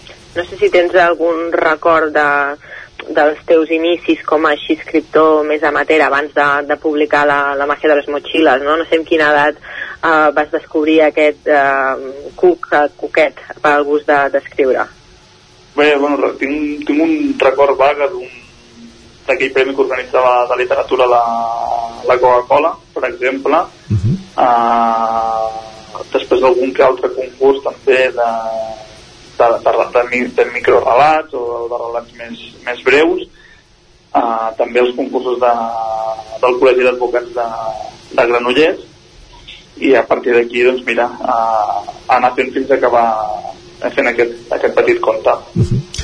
La màgia de les motxilles, com dèiem, és el relat amb el que participes en aquest recull, Sueños de Fantasia. Al costat de cinc escriptors més, vas haver d'adaptar alguna, vas haver d'adaptar d'alguna manera el relat inicial o com va funcionar tot plegat? Sí, la veritat és que sí, perquè jo de fet aquest relat inicial tenia pensat doncs, adreçar-lo a una edat eh, més infantil en el que el protagonista fos el, fos el, meu, el meu fill. De fet, tinc un, un altre projecte no, que parla també de la, de la meva filla i pretenia doncs, això, no, explicar un conte en el, el meu fill eh, adaptat a la, a la seva edat però clar, eh, quan demanen que el relat sigui infantil juvenil eh, per tant ja adaptar-lo a partir de cinquè eh, sisè, de, sisè de primària eh, he hagut de fer créixer els, els personatges no? a fer-los més, més madurs amb unes altres inquietuds eh, malgrat ser nens però clar, no és, el, no, és la, no és el mateix un nen de 5 o un nen de 10 anys 11, aleshores eh, sí, eh, vaig haver de fer créixer aquests, aquests personatges i ajustar una mica més la, la trama. Mm-hmm. Seguint el fil de, del que comentes i parlant ara ja sí d'aquest missatge, no sé si pots avançar una mica de què tracta el relat. Sí, bé, de fet el, el relat són, tracta de quatre amics que van d'excursió de final de curs eh, i que bé, s'han de, s'han de preparar doncs, les, les seves bosses per, per marxar en aquest, en aquest viatge aquestes motxilles no, que eh, enllacen una mica entre si els, els personatges no, i que fan que eh, tot acabi estant eh, relacionat amb aquesta relació d'amistat i, i amor que, que es deixa entreveure en el, en el relat. Uh -huh. Per adaptar el relat a un públic infantil juvenil, t'has basat en els teus records que tenies de petit, de quan anaves a l'escola, amb l'experiència ara com a pare amb els teus fills, una mica amb, amb què has jugat, diguéssim, una, el, el treball de recerca cap on l'has enfocat? Bé, de fet, he agafat els records que jo tenia de la meva etapa en, aquesta, en aquestes edats i eh, els he hagut d'adaptar als els nous temps, eh, els nous temps perquè no és el mateix la, la pissarra de color que tots podem recordar de color verd amb el guix blanc a les pissarres digitals d'avui en dia eh, inclús les connexions via, via, via tecnològica no? eh, tota una sèrie doncs, de, de recursos que eh, surten poquet però que sí que evidentment no els podia relatar com jo els havia, com jo els havia viscut uh, i m'he basat doncs, sí, amb, amb amics eh, meus, alguns els he, els he encongit, no? i agafat alguns fets que, característics uh, d'ells que, que em, em feien molta il·lusió doncs, que, que, que hi sortissin reflexants d'una manera o d'una altra i també he pretès doncs, això, enviar un, un missatge no? I, trencar, i trencar mites una de les protagonistes és una noia que juga, que juga a rugby uh, per desmitificar una mica també el tema dels, dels esports masculins o, o femenins, sinó que tots els esports poden ser practicats per, per qualsevol la, eh, gènere, no? Uh -huh. uh, inclús també hi ha un, un dels protagonistes que juga, que juga a futbol, que juga molt bé, no? I es veu com el missatge és que els seus pares el volen fer tocar una mica de, de, de peus a terra. Per tant, un recull d'aquestes experiències, no?, uh, posades, doncs, en, en la vida d'aquests eh, protagonistes. Uh -huh. uh, relacionat també amb la vida d'aquests protagonistes, el dia de, de la presentació que es va fer al Centre Democràtic i Progressista vas tenir l'oportunitat de fer una mena de taller o activitat amb els nens i nenes que hi van assistir. No sé si pots explicar una mica en què va consistir. Sí, uh, de, fet, és un, és un contacontes no? uh, en el que eh, com a material portem els quatre objectes uh, que apareixen en el, en el relat de, de, de, en el recull en, el, en aquest conte no? Eh, quatre objectes molt característics de cada un dels, dels protagonistes i portem quatre, les quatre motxilles que corresponen a cada un, cada un d'ells, no? marcades amb les, amb les inicials. Eh, I a partir d'aquí doncs, eh, s'explica el conte eh, adaptant-lo eh, al públic eh, concret que, que assisteix en aquest, en aquest conte-conte i eh, sense acabar d'explicar al final perquè els, els propis, els propis nens i les pròpies nenes que venen a escoltar el conte no, puguin també fer la, la seva reflexió del, dels missatges que, que s'hi van donant. Uh -huh. uh, a més a més és, és un conte contes que uh, després del dia de la presentació havien de repetir per, per Sant Jordi però que la, la pluja doncs, bueno, el, va, el va deixar totalment des, deslluït i que suposo doncs, que un dia o altre ara quan el temps eh, es torni a centrar en la primavera eh, podrem, podrem repetir. -hmm. Evidentment, si està emmarcat dins un recull anomenat Sueños de Fantasia, la, la, el conte està escrit en castellà, La màgia de les motxilles, eh, ja estava escrit en aquesta llengua o la tenies escrit prèviament en català? Amb, amb quina llengua et sents més còmode, diguéssim? Uh, a veure, parlant de la màgia de les motxilles, eh, com, que és un, com que és un llibre en càrrec, uh -huh. per dir-ho d'alguna manera, de l'editorial, eh, automàticament eh, ja s'escriu ja s'escriu en castellà, Diversitat Literària és una editorial amb seu a, seu a Madrid, i eh, la resta de companys doncs, estan, eh, són la majoria d'Andalusia, una companya del, del País Valencià i una noia de, de Galícia. Aleshores, en aquest llibre eh, estava molt clar que s'havia de, de fer en castellà. Jo la majoria de, de relats, de, de petits escrits, sempre els faig, els faig en català. Uh, de fet, és amb la llengua vehicular amb la que, amb la que m'expresso amb, amb freqüència, però vull dir, no tinc cap tipus de, de problema amb que, amb, amb cap llengua. Eh, tant de bo eh, pogués eh, dominar a nivell d'escriptura l'anglès o una altra o una altra llengua que, que em pogués permetre arribar a més, a més públic també per anar acabant eh, et faríem dues preguntes més. Uh, una relacionada, no sé si ens pots explicar una mica els teus referents literaris, escriptors uh, amb qui t'emmirallis.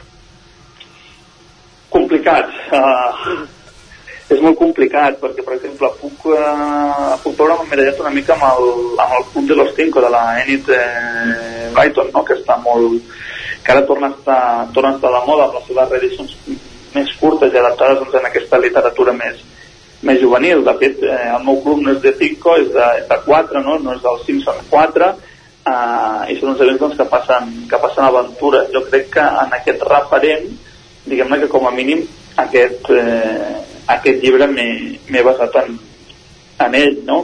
Eh, però clar, tinc, eh, en funció del, del registre, doncs, eh, veig d'unes fonts o d'unes o d'unes altres. Eh, per ara, evidentment, com que és el primer conte, eh, no descarto escriure'n un altre, eh, però eh, bé, eh, de fet en els, els relats més per, més per adults, doncs eh, com que llegeixo pràcticament de, de tot, eh, vaig agafant una mica de, de cada un dels autors que vaig, que vaig llegint. Ja, per acabar, quins projectes tens eh, al forn o amb què estàs treballant ara?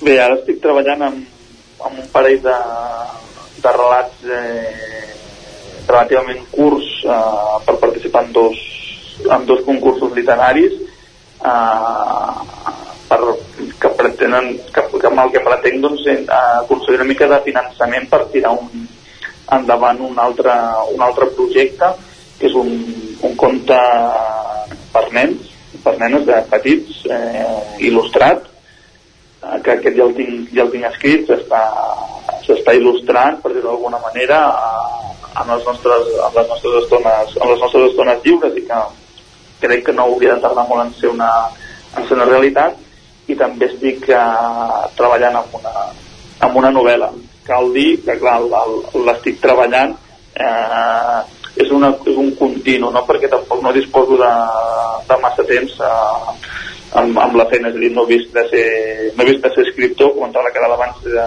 dels meus relats més amateurs, de fet, eh, no he deixat de ser, no he deixat de ser amateur malgrat haver, haver publicat eh, un conte, no? Mm. És, eh, és un sector eh, complicat doncs, de fer-se un lloc, hi ha molta gent que escriu i que escriu molt bé, i que per tant, bé, eh, cal seguir-hi cal seguir treballant. Ho anirem seguint. Marc Ungós, moltíssimes gràcies per ser al Territori 17 i bon dia. Adéu, bon dia, moltes gràcies a vosaltres. Gràcies també, Caral. No marxis gaire lluny perquè tot seguit ens actualitzem amb les notícies de les 11 aquí al Territori 17. Fins ara mateix. Fins ara. Territori 17, amb Isaac Moreno i Jordi Sunyer.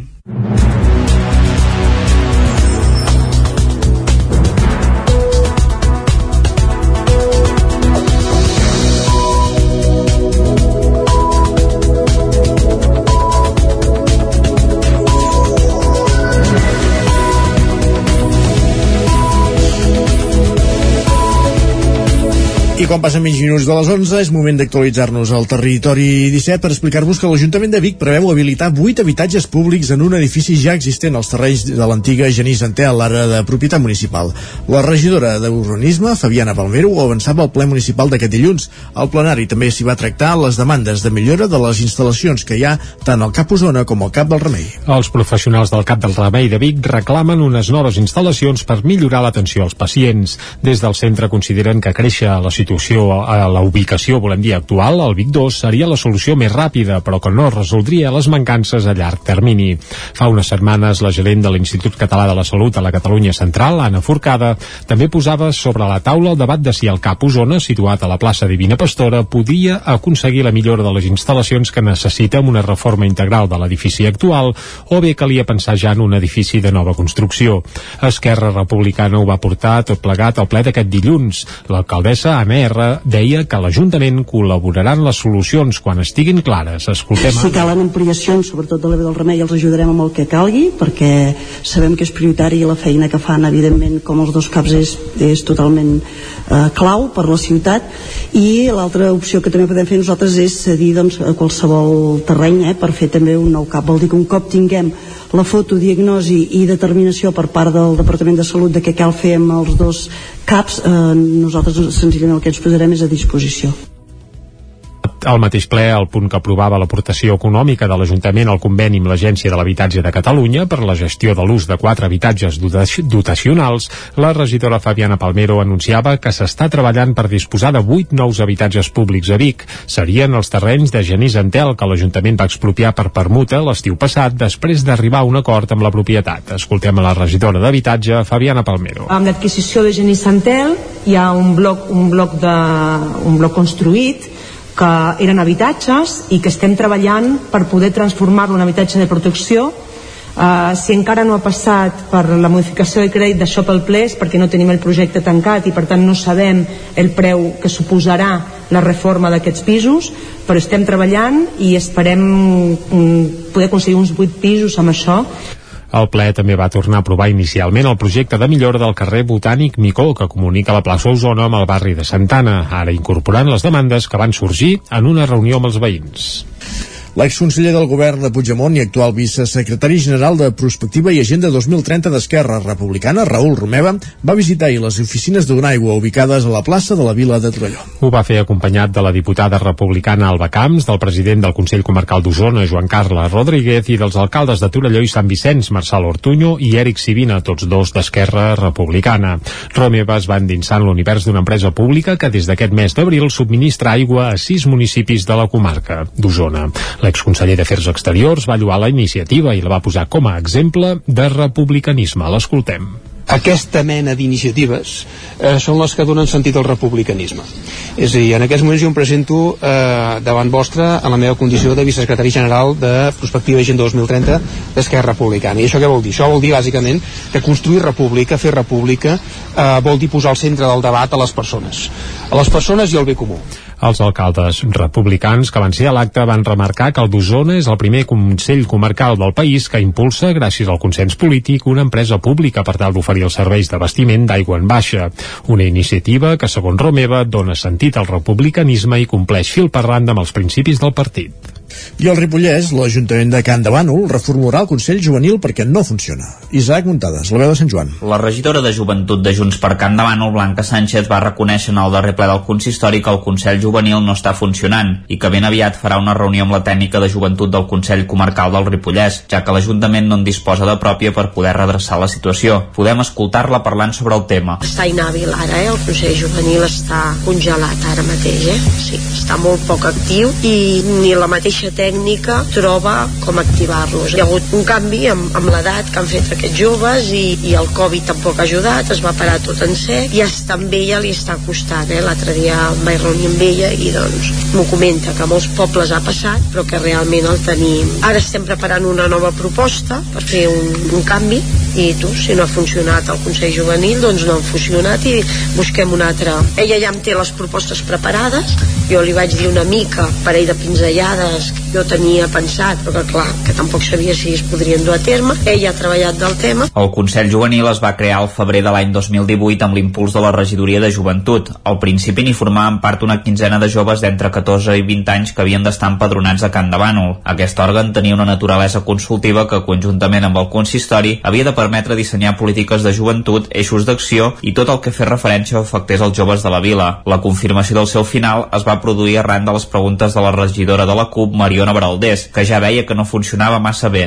S'han fet coses al Consell Comarcal juntament amb la regidoria, però són coses que no funcionen. Avui no s'ha reconegut que el Consell Municipal Juvenil no funciona i era un format que no ha funcionat des del principi. Llavors, no, doncs, jo crec que el problema que tenim aquí a Campdevànol és que fem polítiques pels joves sense els joves. És, és el problema que tenim. El que s'hauria és intentar implicar la gent jove de Camp de Bànol per veure què és el que volen, no? què és el que esperen d'una regidoria de joventut i quines necessitats tenen que, que se'ls pot cobrir des de, des de l'Ajuntament. I aquesta és una batalla que nosaltres portem des del principi de la legislatura.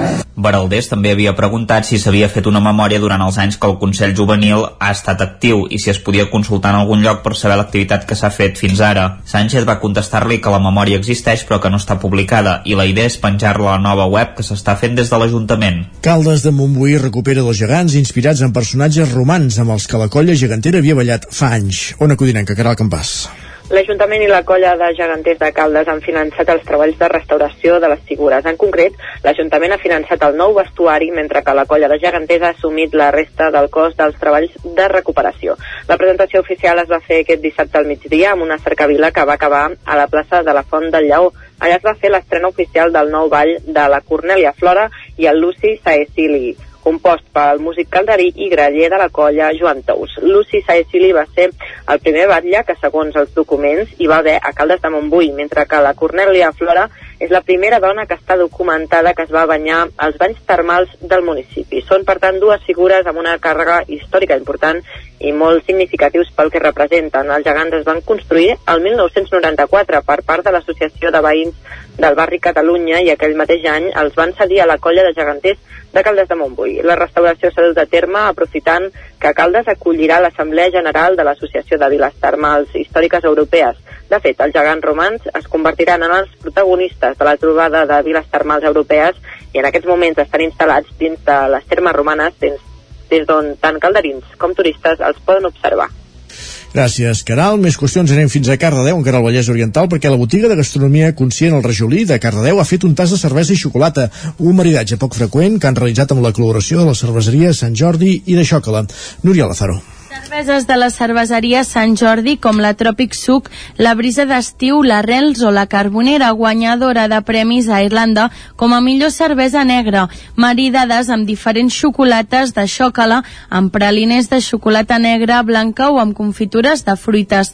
Aquesta era la proposta del Rajolí en el primer tas de cerveses i xocolata que presentaven a la seva botiga. Un tas poc habitual que va sorprendre els assistents amb productes locals, llibres Albert Cervera, propietari del Rajolí. La veritat és que tinc la cervesa Sant Jordi, la tinc com a, com a cervesa de referència i tot el que és producte de xocolata ho treballo amb, amb xocolata. Per tant, doncs, el fet de poder fer un maridatge amb aquests dos productes, doncs, eh, bueno, des, de, des del meu punt de vista, doncs, creia que era un, era un plus no? i una manera també de fer conèixer doncs, a aquests productes artesans que tenim aquí al poble. I és una manera de conèixer productes de, de proximitat, productes de qualitat i a més a més una manera doncs, de passar una bona estona i, i ajudar el comerç local. El Rajolí comença ara un cicle d'activitats al seu local com la presentació del llibre Lo hago como madremente puedo de l'Andrea Ros el pròxim 18 de maig a les 5 de la tarda amb la Júlia Blanc, psicòloga perinatal. Totes les activitats i actes que s'hi facin les podeu trobar al seu compte d'Instagram arroba el Rajolí. Esports. I a la pàgina esportiva us expliquem que el ciclista de Viladrau, Eloi Palau, guanya el campionat de Catalunya de bicitrial en la categoria Elite. La biguetana Alba Riera també aconsegueix la primera posició en la categoria infantil femenina. Podis usonencs al Campionat de Catalunya de bicitrial que es va disputar aquest diumenge a les instal·lacions del Trey Evolution de Sant Antoni de Vilamajor, al Vallès Oriental, en una de les cites importants del calendari català d'aquesta especialitat i que va reunir prop d'un centenar d'esportistes. Eloi Palau va revalidar el títol de campió de Catalunya que ja havia aconseguit els anys 2019 i 2021. El de Viladrau es va imposar per una diferència de 40 punts per davant de l'Ulut i Martí Baireda i el maresmenc Sergi Llongueres. A més a més, Palau va ser l'únic capaç d'aconseguir fer una segona volta sense cap errada, acumulant la màxima puntuació possible, 250 punts. En aquesta mateixa categoria d'elit, els usonencs Martí Riera i Jordi Araque van ser sisè i setè, respectivament. D'altra banda, la biguetana Alba Riera també va re revalidar el títol aconseguit l'any passat en la categoria d'infantil femení. Després d'una primera volta bastant fluixa, on va sumar 190 punts, Riera va fer una espectacular remuntada durant la segona volta i va obtenir la màxima puntuació, 250 punts. Qui també va pujar al podi en infantil masculí va ser Marc Juventeny. El de Vilanova de Sau, que no va poder començar la temporada en el seu moment per una lesió, va demostrar un bon estat de forma finalitzant la prova en tercera posició. També va ser tercer un altre usonenc, Marc Vila, en Masters 30. En júnior, Martí Rossinyol, de Prats de Lluçanès, va ser quart, quedant a només 20 punts del podi, mentre que Àlex Massó i Didac Penya van completar la representació usonenca 105è i 6è, respectivament. En cadet, Benet Berniol, del Pens, va acabar vuitè.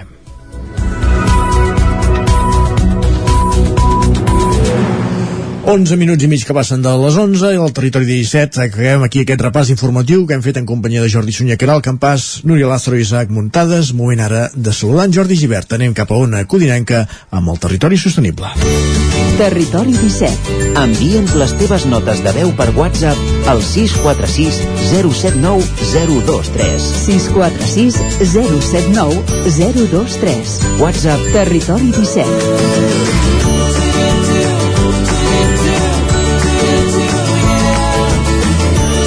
Territori 17. Som a Facebook, Twitter i Instagram amb l'usuari Territori 17.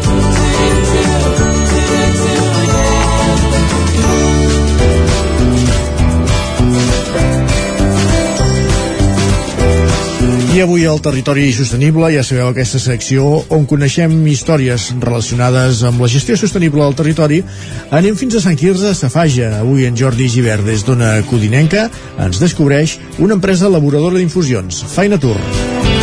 Jordi, benvingut un dimecres més. Avui al Territori Sostenible ens hem acostat fins a Sant Quirze de Safaja per parlar uh, de Faina Tour, una empresa que es dedica a fer uh, infusions aquí a la comarca del Moianès.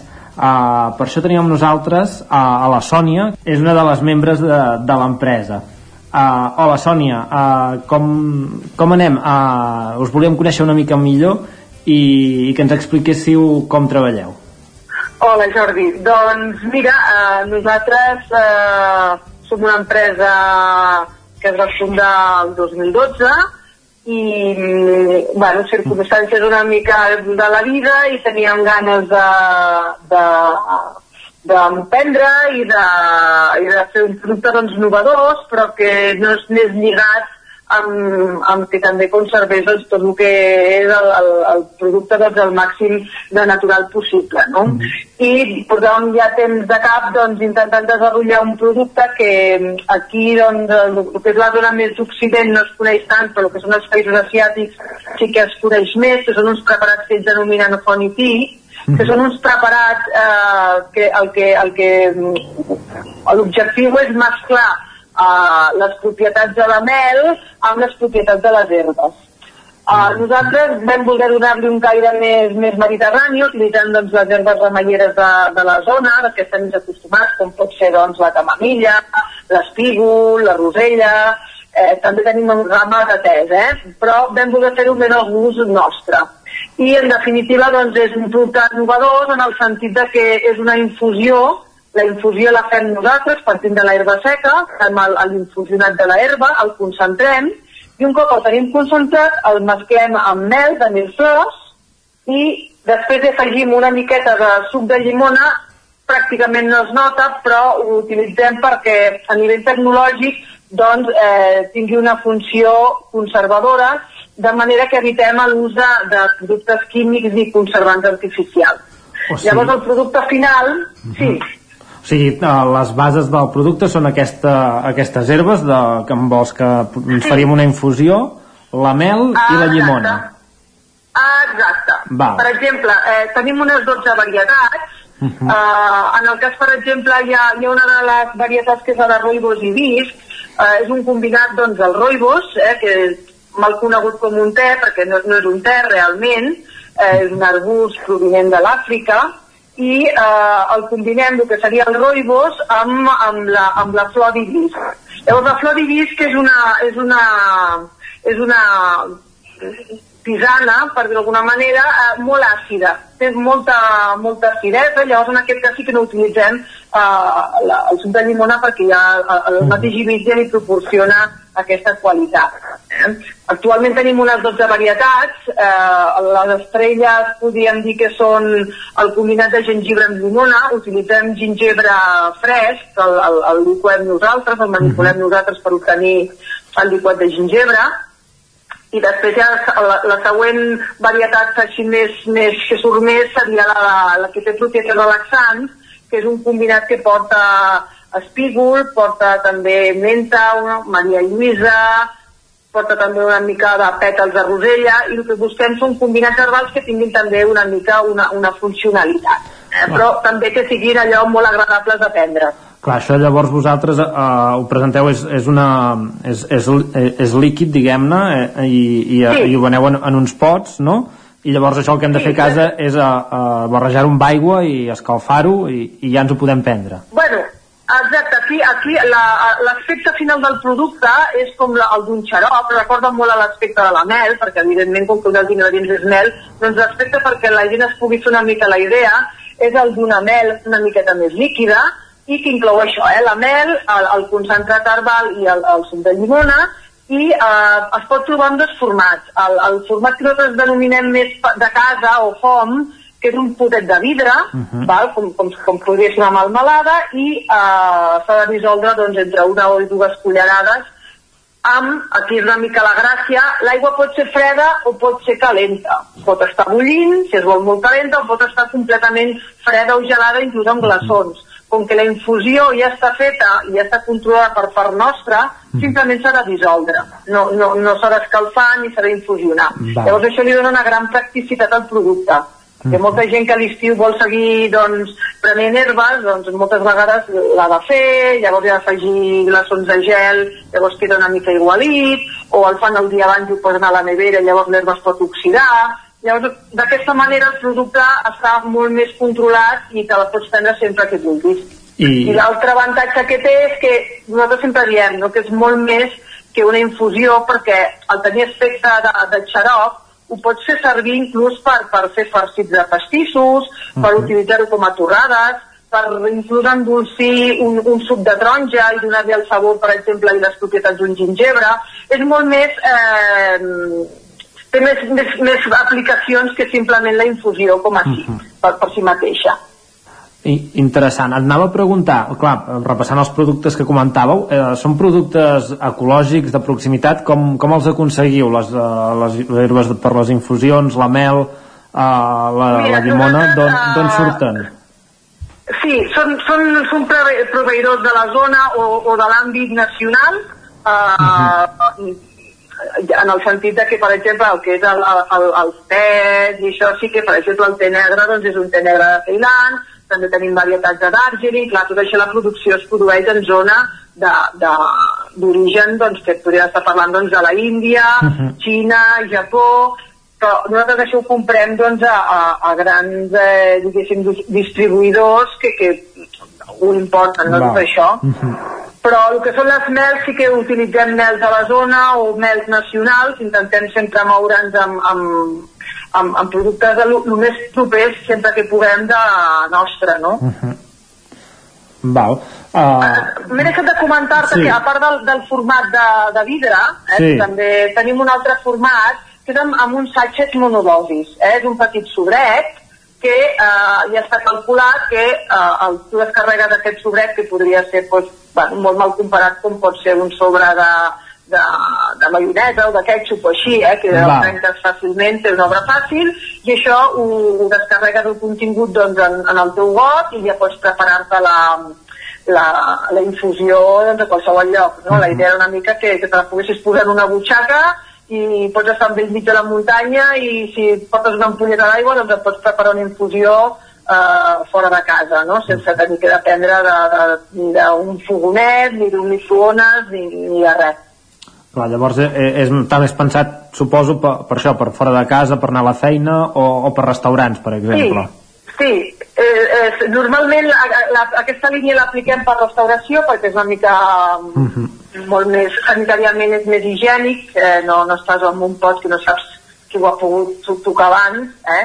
I a més a més, el que comentàvem, el un producte completament natural i que no porta conservants, sí que eh, el, el, el que és el pot de vidre, un cop l'obres, l'has de conservar en refrigeració. Mm. Llavors, clar, eh, si te l'has d'endur a la feina o així, és molt més senzill tenir un sobret en un calaix i els vas utilitzant sense tenir que dependre d'una nevera ni res. Llavors, uh, aquests eh, són el vostre producte estrella, però us heu anat diversificant i teniu més, més productes, no? Sí, quins, sí. quins, quines altres infusions feu? O... Sí, mira, nosaltres a la, la cartera de, de lo que serien els fonitis o les infusions solubles eh, tenim 12 varietats eh, uh -huh. que els podem dividir en uns blocs, eh, principalment els que són els àcids o, o gingebres, que tenim el gingebre sol, que són per la gent que és així més, més valenta o que li agrada molt el gingebre, perquè uh -huh. el gingebre és molt potent. Després tenim el combinat de jengibre amb llimona, Tenim també el que seria una infusió de, de llimona sol, eh, amb, uh -huh. amb suc de llimona i pell de llimona confitada, i eh, una, una novetat eh, que hem incorporat que és la combinació de citronela amb, amb gingebre. Aquesta seria una primera família.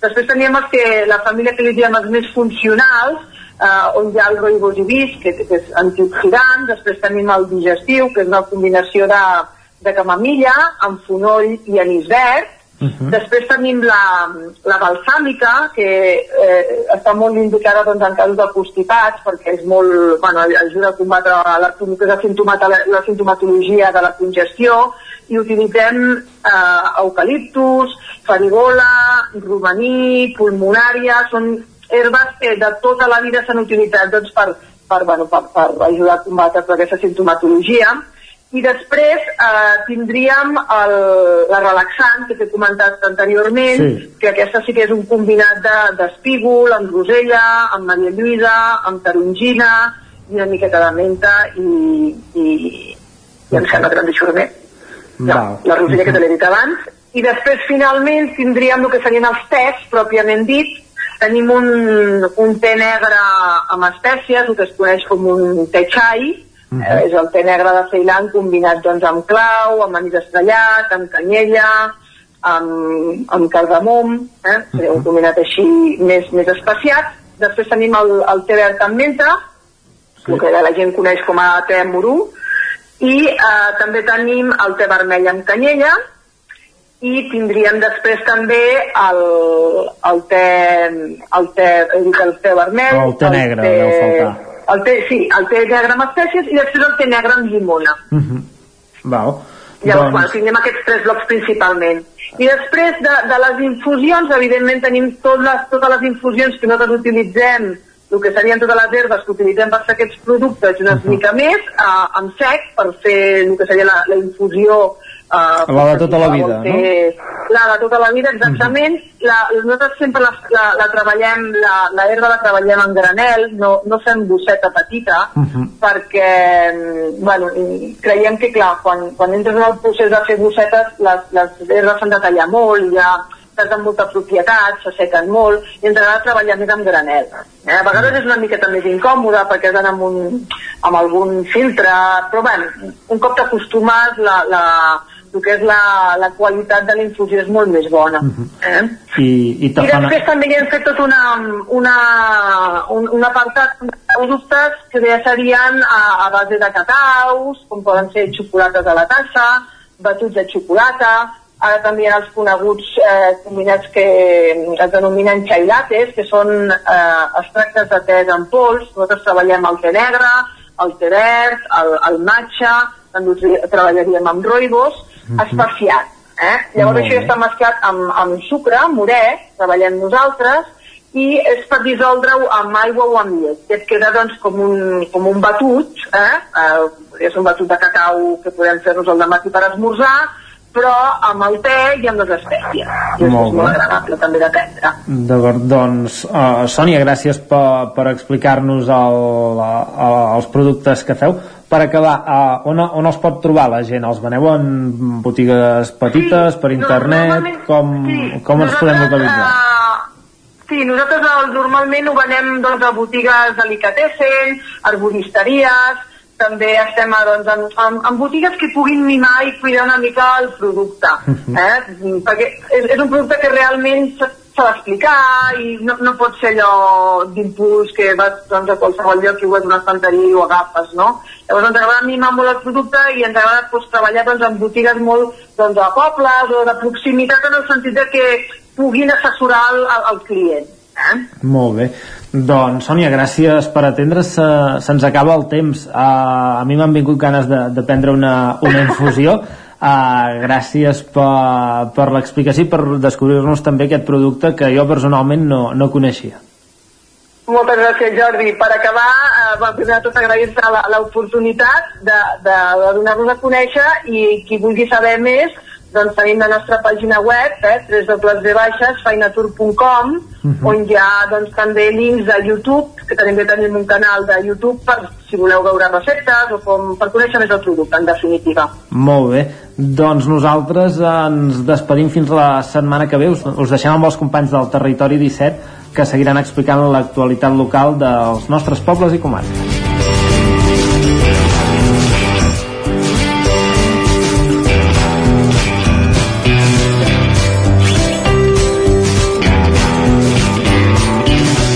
Gràcies, Jordi, per donar-nos a conèixer aquestes infusions. Feina Tour a Sant Quirze Safaix avui al Territori Sostenible. I el Territori 17 avança.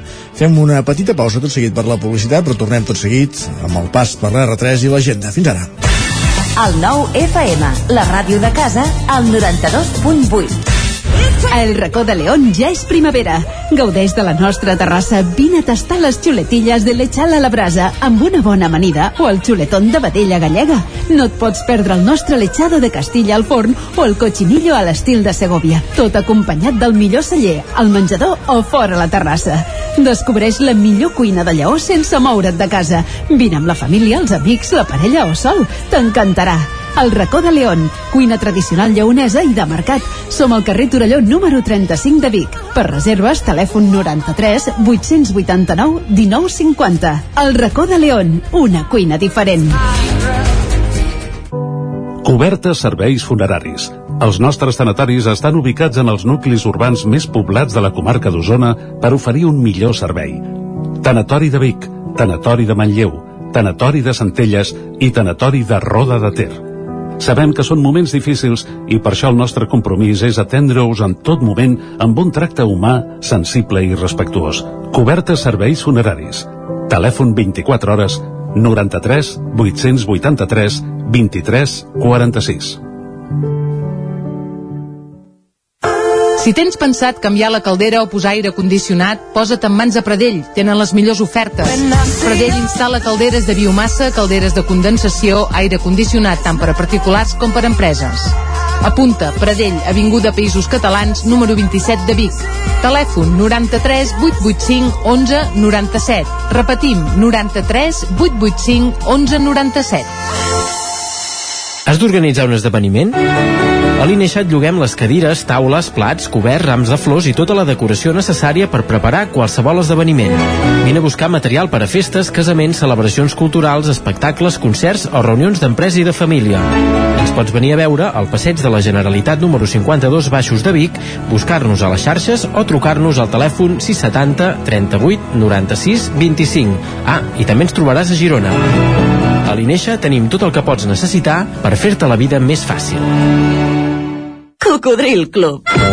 Si t'agrada la bona música dels anys 60, 70 i 80, escolta el 9 FM als matins de dissabtes i diumenges d'11 a 1.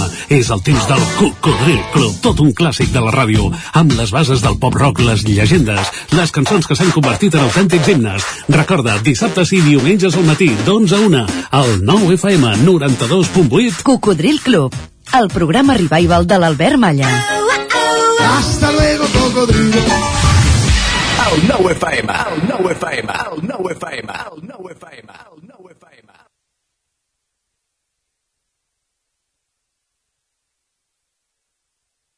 Territori 17 A Tren d'Alba. Cada dia els usuaris de la línia R3 de Rodalies que veuen sortir el sol des d'un vagó ens expliquen les gràcies i les penes del primer comboi que uneix Ripoll i Barcelona. Benvinguts a Tren d'Alba. La usuària Alvaroaz deia a Twitter que amb els nous horaris el temps de trajecte entre Ripoll i Barcelona és de dues hores si no hi ha incidències, tant amb el tren que fa totes les parades com amb el que és semidirecte. La usuària deia que era una vergonya de servei i es dirigia directament a l'alcaldessa Ada Colau dient-li que com volia que la gent no entrés amb cotxe a Barcelona. Us deixo amb en Jordi Valls perquè ens expliqui com li ha anat el trajecte d'avui. Bon dia, sóc en Jordi de Centelles. Avui, avui us vull parlar d'infidelitats. Sí, sí, d'infidelitats. De la infidelitat que fem alguns del tren, que hi pugem, baixem, ens agrada, ens estimem, i de tant en tant som infidels i agafem l'autobús per pujar a Vic. A l'E12, al Segalers. La veritat és que és un bon servei. Com a transport públic és un bon servei. És un servei directe. Barcelona-Vic, Vic-Barcelona. No té l'encant de poder anar xerrant, perquè els del tren xerrem molt, i els de l'autobús no els hi agrada que xerrem. Els del tren ens expliquem la vida, i a l'autobús hi ha silenci. Bé, també va bé perquè com surts de Sagrera directe a Vic, fas la becaineta, dorms, no para, no puja i baixa gent. Però el tren també ho podem fer moltes vegades perquè algun company o companya està estudiant, amb l'ordinador, amb el mòbil, somiant truites i tu pots dormir. Ai, no és gaire habitual, eh? Però de tant en tant som infidels. I bé, també és una bona opció. La qüestió és fer servir el transport públic. Però, com al tren, no hi ha res. I res més que una mala Renfe... Mm, no us espatlli la màgia del tren. Adéu-siau. Normal que siguis infidel, perquè al final l'autobús sol anar millor que el tren. És cert que no s'hi pot xerrar tant perquè la gent et mira malament, però va directe a lloc i és més ràpid, i pots dormir còmodament. Probablement és més segur, i és un transport públic. El tren té la màgia perquè s'hi poden establir més relacions socials, però la vida és dura i els endarreriments una constant. Va, ens retrobem demà amb més històries del tren i de la R3. Territori 17, el 9 FM, la veu de Sant Joan, Ona Codinenca, Ràdio Cardedeu, Territori 17.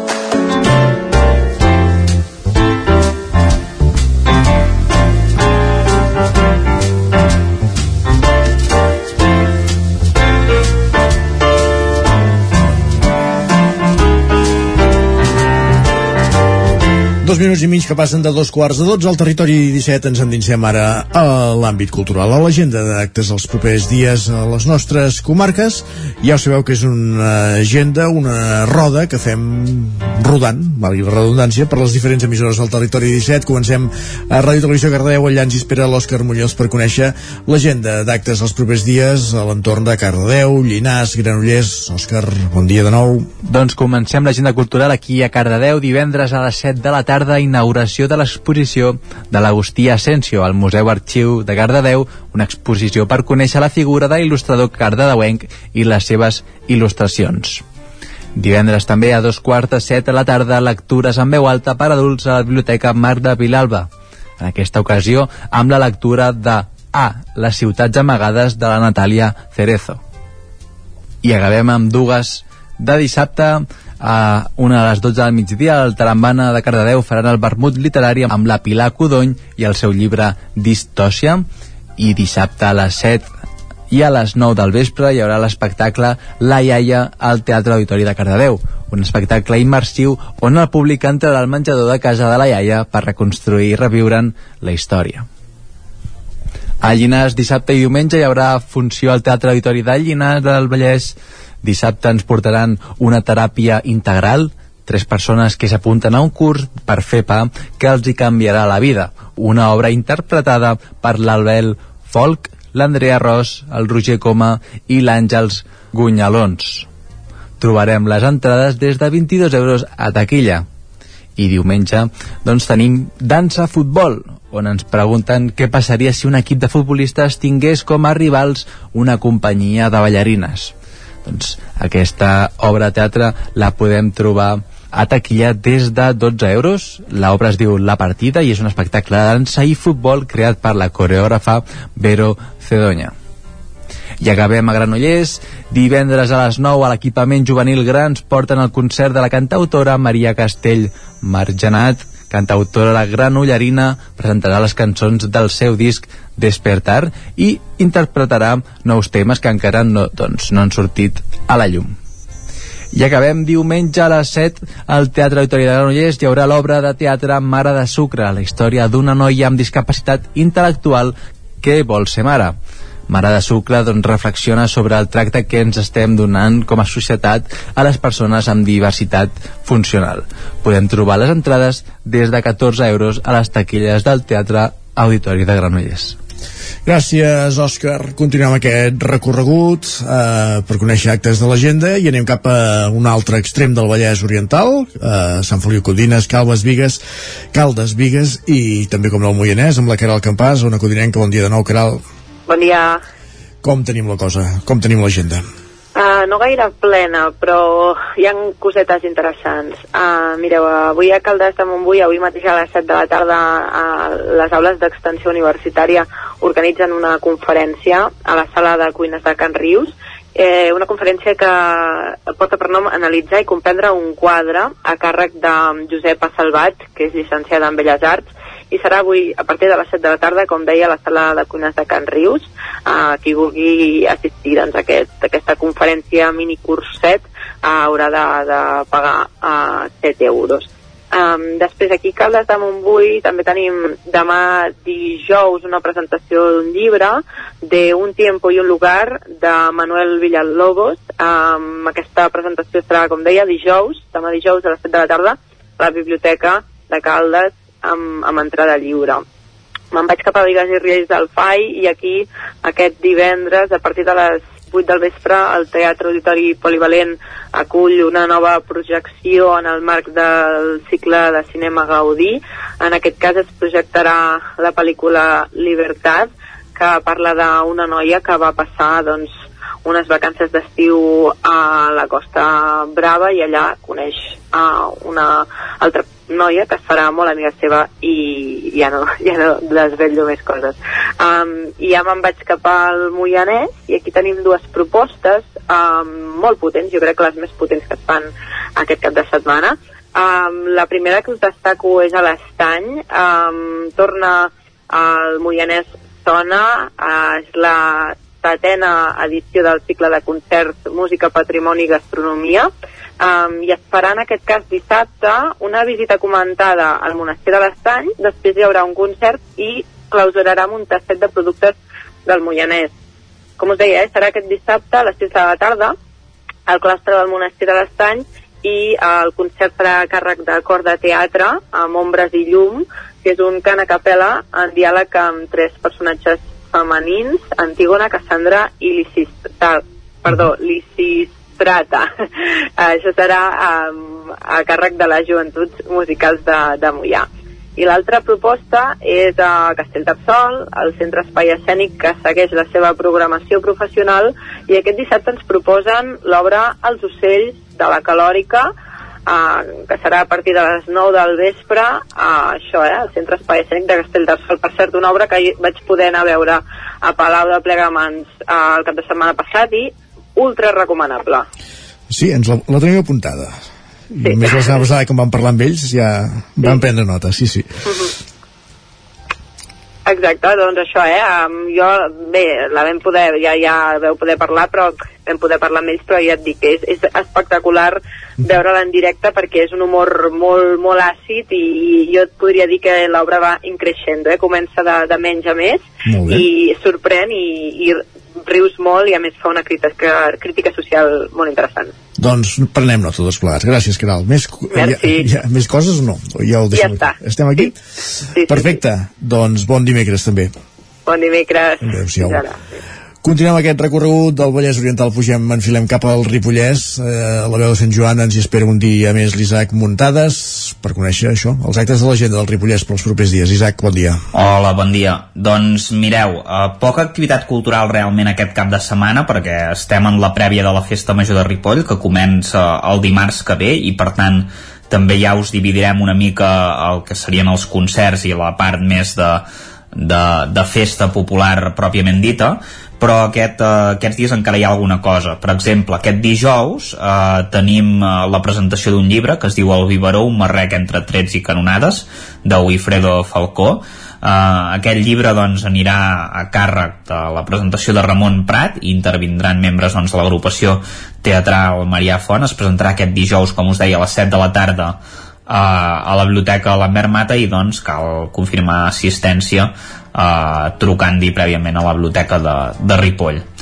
Uh, després també tenim uh, una exposició que, que s'inaugura aquest divendres 6 de maig a partir de les 7 de la tarda a la Biblioteca Lambert Mata també de Ripoll es tracta de la mostra de Jaume Escala nou cant L'Art és Vida que es podrà visitar fins al 30 de juny en horari d'obertura de la biblioteca Eh, hem de dir que Jaume Escala és un cantautor i artista distingit amb el guardó Cançó 83 que ha actuat al Palau de la Música, també al Teatre Poliorama, al Palau de Congressos o al Festival Grec, entre d'altres llocs, i també ha escrit doncs, diferents llibres per a infants que han obtingut distincions i han col·laborat a, eh, en magazins culturals de diferents uh, mitjans i va començar a pintar l'any 2000 amb un estil molt personal i fa la seva primera exposició a la Biblioteca Lambert Mata també.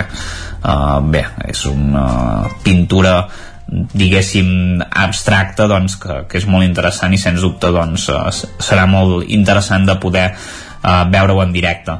Uh, també dir-vos uh, una activitat que aquest cap de setmana es fa aquí a Sant Joan de les Abadeses que um, també té la seva vessant cultural perquè doncs, uh, el que es fa és, és l'acte d'inauguració uh, de, dels Jardins de la Puda aquest pròxim diumenge i hi haurà un espectacle eh, de la poesia Balafont a càrrec de Valentí Maimó. Per tant doncs serà interessant eh, tenir-ho en compte també. Uh, i a partir d'aquí pràcticament uh, res més perquè bàsicament uh, sí, que, sí que us avançaré uh, algun concert que es fa de, de festa major ja uh, el pròxim dia 10 de maig, el pròxim dimarts Ten, tenim versots i traca d'inici dels actes de Sant Eudal a càrrec dels Diables, això és a dos quarts de nou del vespre el dimarts, i també hi haurà eh, concerts amb The Hackers, un grup de versions de rock a la plaça de la Lira a les, a les 11 de, de la nit, i a la una un DJ local també a la plaça de Lira eh, a càrrec de TT Gravo per tant ja eh, divendres que ve us, us explicarem com va l'inici d'aquesta festa major i dis, uh, dimecres que ve us actualitzarem i divendres que ve ja us la, us la claurem. Això seria una mica tota l'activitat cultural prevista més o menys per aquests dies a, al Ripollès. Perfecte, Isaac, doncs moltíssimes gràcies també un dimecres més per acostar-nos als actes més destacats de, de l'agenda, en aquest cas al Ripollès, i acabarem aquest recorregut una setmana més a la comarca d'Osona.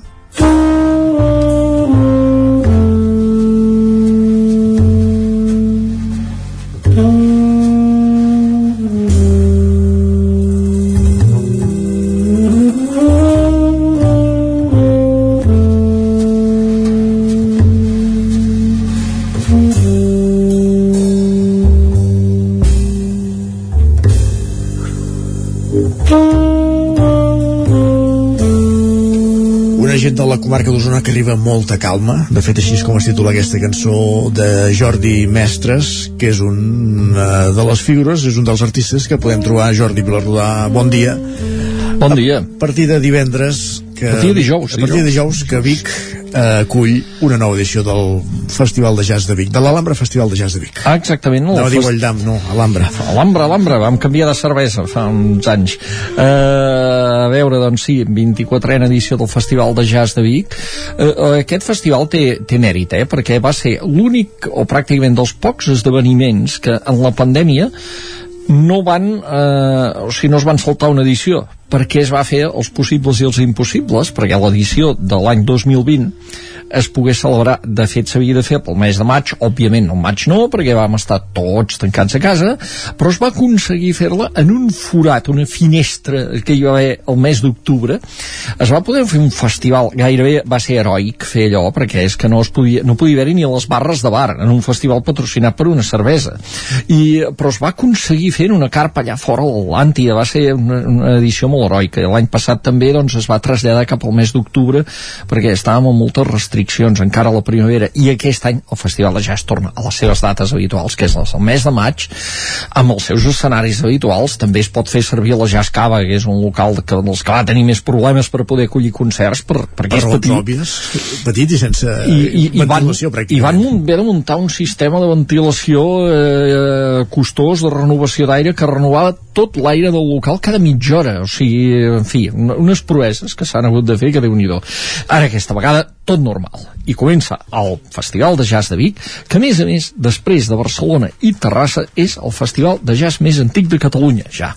Uh... I que durant temps també s'ha guanyat la fama de ser el festival d'avantguarda. Sí, jazz i ho és, és el, un festival que dona molta, molt de joc al, al jazz més, més, diguem, més avantguardista, més, més de les noves tendències. Començarà, com és habitual, el, amb un concert de piano sol, és el pianíssim, ja és tradicional de tota la vida que aquest concert inicia el festival Festival de Jazz, aquesta vegada amb la Jordina Millà que és eh, una de les eh, dones pianistes de música d'improvisació més destacades que tenim aquí en aquest país que oferirà el primer concert el dijous a les 9 del vespre a la Cava. Després s'alternaran els concerts entre la Cava i l'escenari exterior, que és l'escenari Alhambra, just a la plaça del Carbó, per tant és allà davant mateix, i s'aniran alternant aquests concerts en les, en les altres eh, jornades. El festival dura dues setmanes.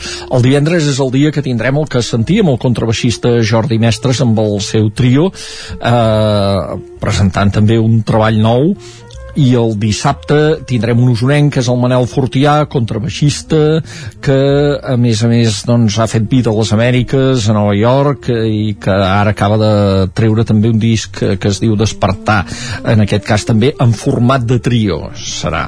Això serà el dissabte a la tarda i el dissabte a la nit també un dels projectes interessants d'aquest festival que és una coproducció amb un segell mm, que els aficionats aficionats al jazz coneixeran, que és el segell Underpool, i, i aquí doncs es tracta de que eh, es fa una gravació d'un disc en directe del trio d'Oriol Roca del bateria Oriol Roca eh, a més a més ajuntant-hi doncs eh, una, una cantant la Lynn Cassiers que, que és belga, de Brussel·les molt reconeguda a l'escena europea i el que es farà doncs és gravar un disc que s'editarà en format de vinil en aquest concert que serà el dissabte a la nit a la Jazz Cava eh, la sessió acabarà amb el Miguelito Superstar el DJ el diumenge hi haurà Jam Session al matí, a dos quarts d'una del migdia, de fet en format de concert vermut, i el diumenge a la tarda acabarà el cap de setmana del Festival de Jazz amb una saxofonista catalana també, la Cristina Miguel, i un conjunt de vuit músics, un octet, eh, i a més a més presentar un projecte que es diu Els millors festivals. Els millors festivals és un un, que té un punt d'ironia també, vol visibilitzar els festivals de jazz petits, com el, que, de, com el de Vic, en aquest cas, hi ha el d'Igualada, el de Banyoles, el de la Garriga i d'altres, i eh, a través de tot aquest projecte donar suport a músics emergents, com és el cas de Cristina Miguel Martínez, que, que és la que actuarà. Eh, anirà actuant ella a cada un d'aquests festivals i cada un amb un projecte diferent. Per tant, també, acompanyant el Festival de Jazz, neix aquest projecte que es diu Els millors festivals. I després la setmana vinent tindrem les actuacions internacionals. O sigui que això només és el primer cap de setmana, és el començament, però ens preparem per viure dues setmanes de jazz intenses a Vic. I el que escoltem de fons precisament és aquest contrabaixista que comentaves, en Manel Fortià, acompanyat de Marco Mesquida i Rafael Panier amb aquesta peça circular.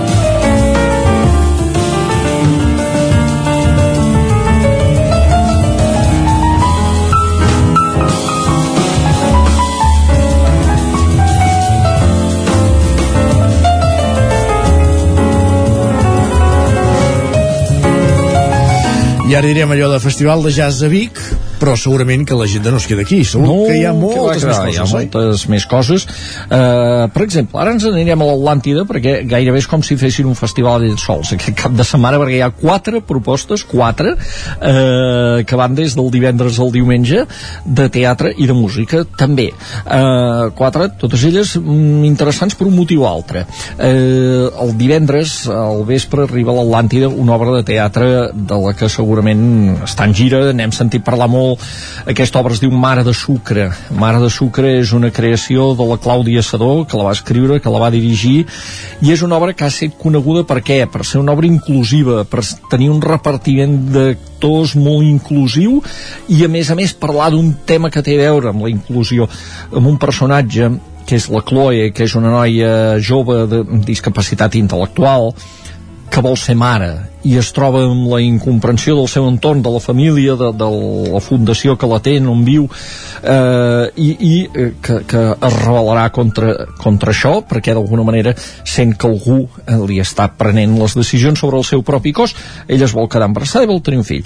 Doncs, eh, doncs aquesta història tan humana eh, és la de Mare de Sucre, que la Clàudia Sodó va escriure basant-se també en una amb l'experiència amb la seva germana. De fet, això del sucre ve de que eh, es veu que quan eren petites i jugaven deia eh, la, Qui és de sucre? La protegia la seva germana, li deia és que és de sucre, no? I, i, i a partir d'aquí doncs, va néixer el títol d'aquesta obra que va ser un èxit espaterrant a Barcelona quan es va estrenar i que ara està en gira per teatres de Catalunya. És un muntatge que realment val molt la pena i, i a més a més per veure que mm, que hi ha que pot haver-hi més diversitat a les escenes teatrals en els propis repartiments. Eh, després, l'èxit assegurat o sigui, a veure, eh, algú vol fer alguna cosa amb un èxit assegurat doncs eh, pot muntar un concert del pot petit per exemple, això és un èxit assegurat i per tant, èxit assegurat a l'Atlàntida aquest dissabte a la tarda en què passaran la gent del pot petit eh, fer cantar i ballar eh, no només els més petits sinó les famílies. la tecla quan buscava la cançó en lloc de Pol, ai, de Pot, he posat Pol m'ha sortit una altra cançó que també, vas de, que també va tenir molt èxit a dir-ho doncs aquí tindrem aquí tindrem el pot petit ah, Hola, mi cuc Hola, amiga granota que em podries ajudar a fer marxar aquesta por que tinc? Quac! Oh, oh, i tant que sí! Mira, jo quan tinc por saps què faig? Salto, salto i, i salto i se'm passen totes les pors. Ah, esclar! Moltes gràcies, amiga granota. Adeu! Adeu! Em diuen el cuc, el cuc poruc, i no sóc valent perquè no puc. Em diuen el cuc, el cuc poruc, i no sóc valent perquè no puc. El Cuc Poruc, un dels èxits de, sí. d'aquest èxit que és ara, el Petit. Ara estava pensant que segurament eh, alguns pares i mares que ens estan escoltant deuen pensar "Ah, és aquella que posem constantment al cotxe. Doncs Exacte. aquesta. Ja no es faltava que te la posessin a la ràdio, sí. a la ràdio, ara, a més a més. Doncs això és el dissabte a la tarda i el dissabte eh, més cap al vespre a les 8 també hi ha un concert important, en aquest cas a l'Atlàntida molt diferent, que és la presentació del primer disc en solitari del violoncel·lista de l'Esquirol Pau Codina.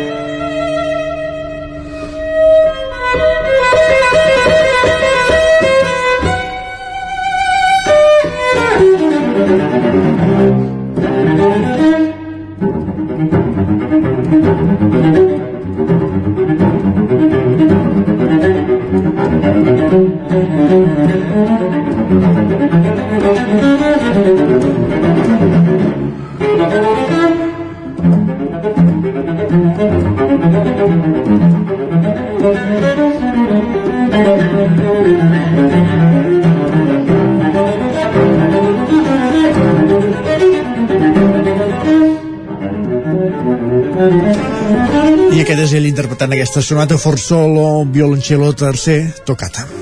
Doncs eh, això serà doncs, el, alguna cosa semblant al que sonarà eh, en el concert eh, que, en què presenta aquest disc que es diu Landscapes, o sigui, paisatges, paisatges, paisatges sonors, evidentment, i presidits per Johann Sebastian Bach, de qui interpretarà la suite número 5, i també una altra molt icònica pels violoncellistes, que és una suite per violoncel sol d'un compositor català, d'en Gabriel Caçador, eh, que és de l'any 1926, aquesta peça, i, i amb això doncs eh, demostrarem una vegada més que Catalunya i, i Osona també, concretament és un país de grans violoncel·listes. I, i passem doncs a tancar el cap de setmana a l'Atlàntida que es tancarà el diumenge a la tarda a les 6 de la tarda concretament a la sala Ramon Montanyà, la sala gran que s'ha de mirar d'omplir per una de les sessions solidàries que fa l'Atlàntida sempre d'espectacles que en aquest cas és a càrrec de l'ATFO l'ATFO, l'Associació de Diversitat Funcional d'Osona és qui proposa aquest espectacle que es diu L'Atfo brilla a Broadway, que en aquest cas vol demostrar, parlàvem d'inclusió fa uns moments, doncs també que eh, es poden, persones de diversa condició física, eh, eh, alguns amb les seves discapacitats, també poden participar en un espectacle de dansa i música, i en aquest cas és conduït per Carina Mato i amb la col·laboració de l'Escola de Música Núria Castells de Manlleu. Molt bé. Eh, espectacle solidari de l'Atfo. Doncs eh, Hem començat Festival de Jazz, l'Atlàntida, tenim 3 minuts per la resta Ep, doncs, programació, eh, no, a veure, eh, semblava Que que, més, eh? molta estona i anem, anem a la idea, o sigui,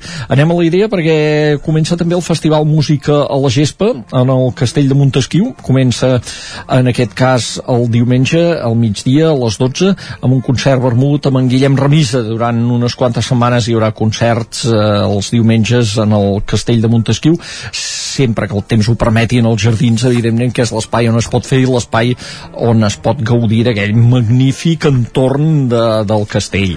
Aquesta vegada amb en Guillem Remisa.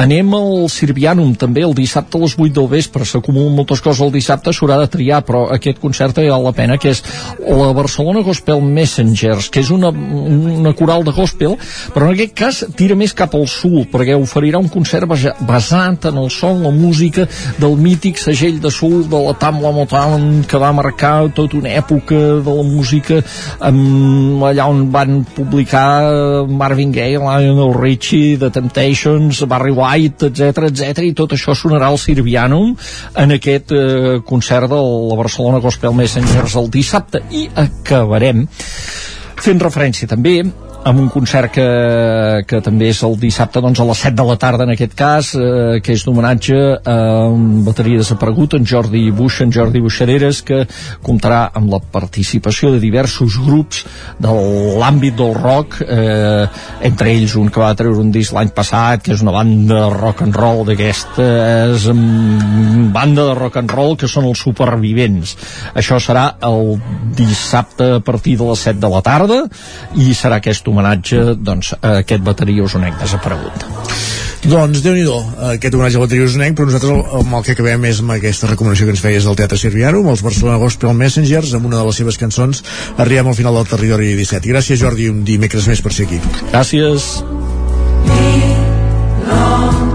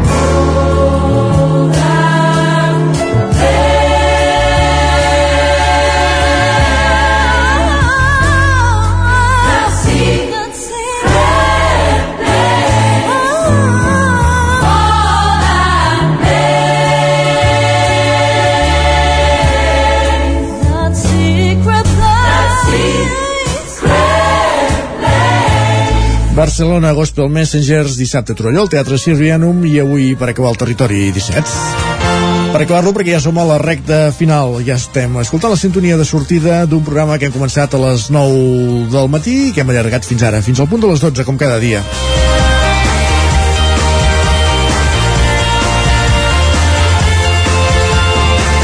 Marxem, però demà tornarem. Us hem acompanyat des de les 9 Pepa Costa, Òscar Muñoz, Guillem Sánchez, Caral Campàs, Núria Lázaro, Jordi Givert, Isaac Muntades, Jordi Vilarrodà, Jordi Sunyer i Isaac Moreno. Com dèiem, fins demà a la mateixa hora, a partir de les 9. A la vostra sintonia, molt bon dimecres i gràcies per ser-hi. Adéu-siau. Territori 17, un magazín del nou FM. La veu de Sant Joan, Ona Codinenca i Ràdio Cardedeu amb el suport de la xarxa. El nou FM.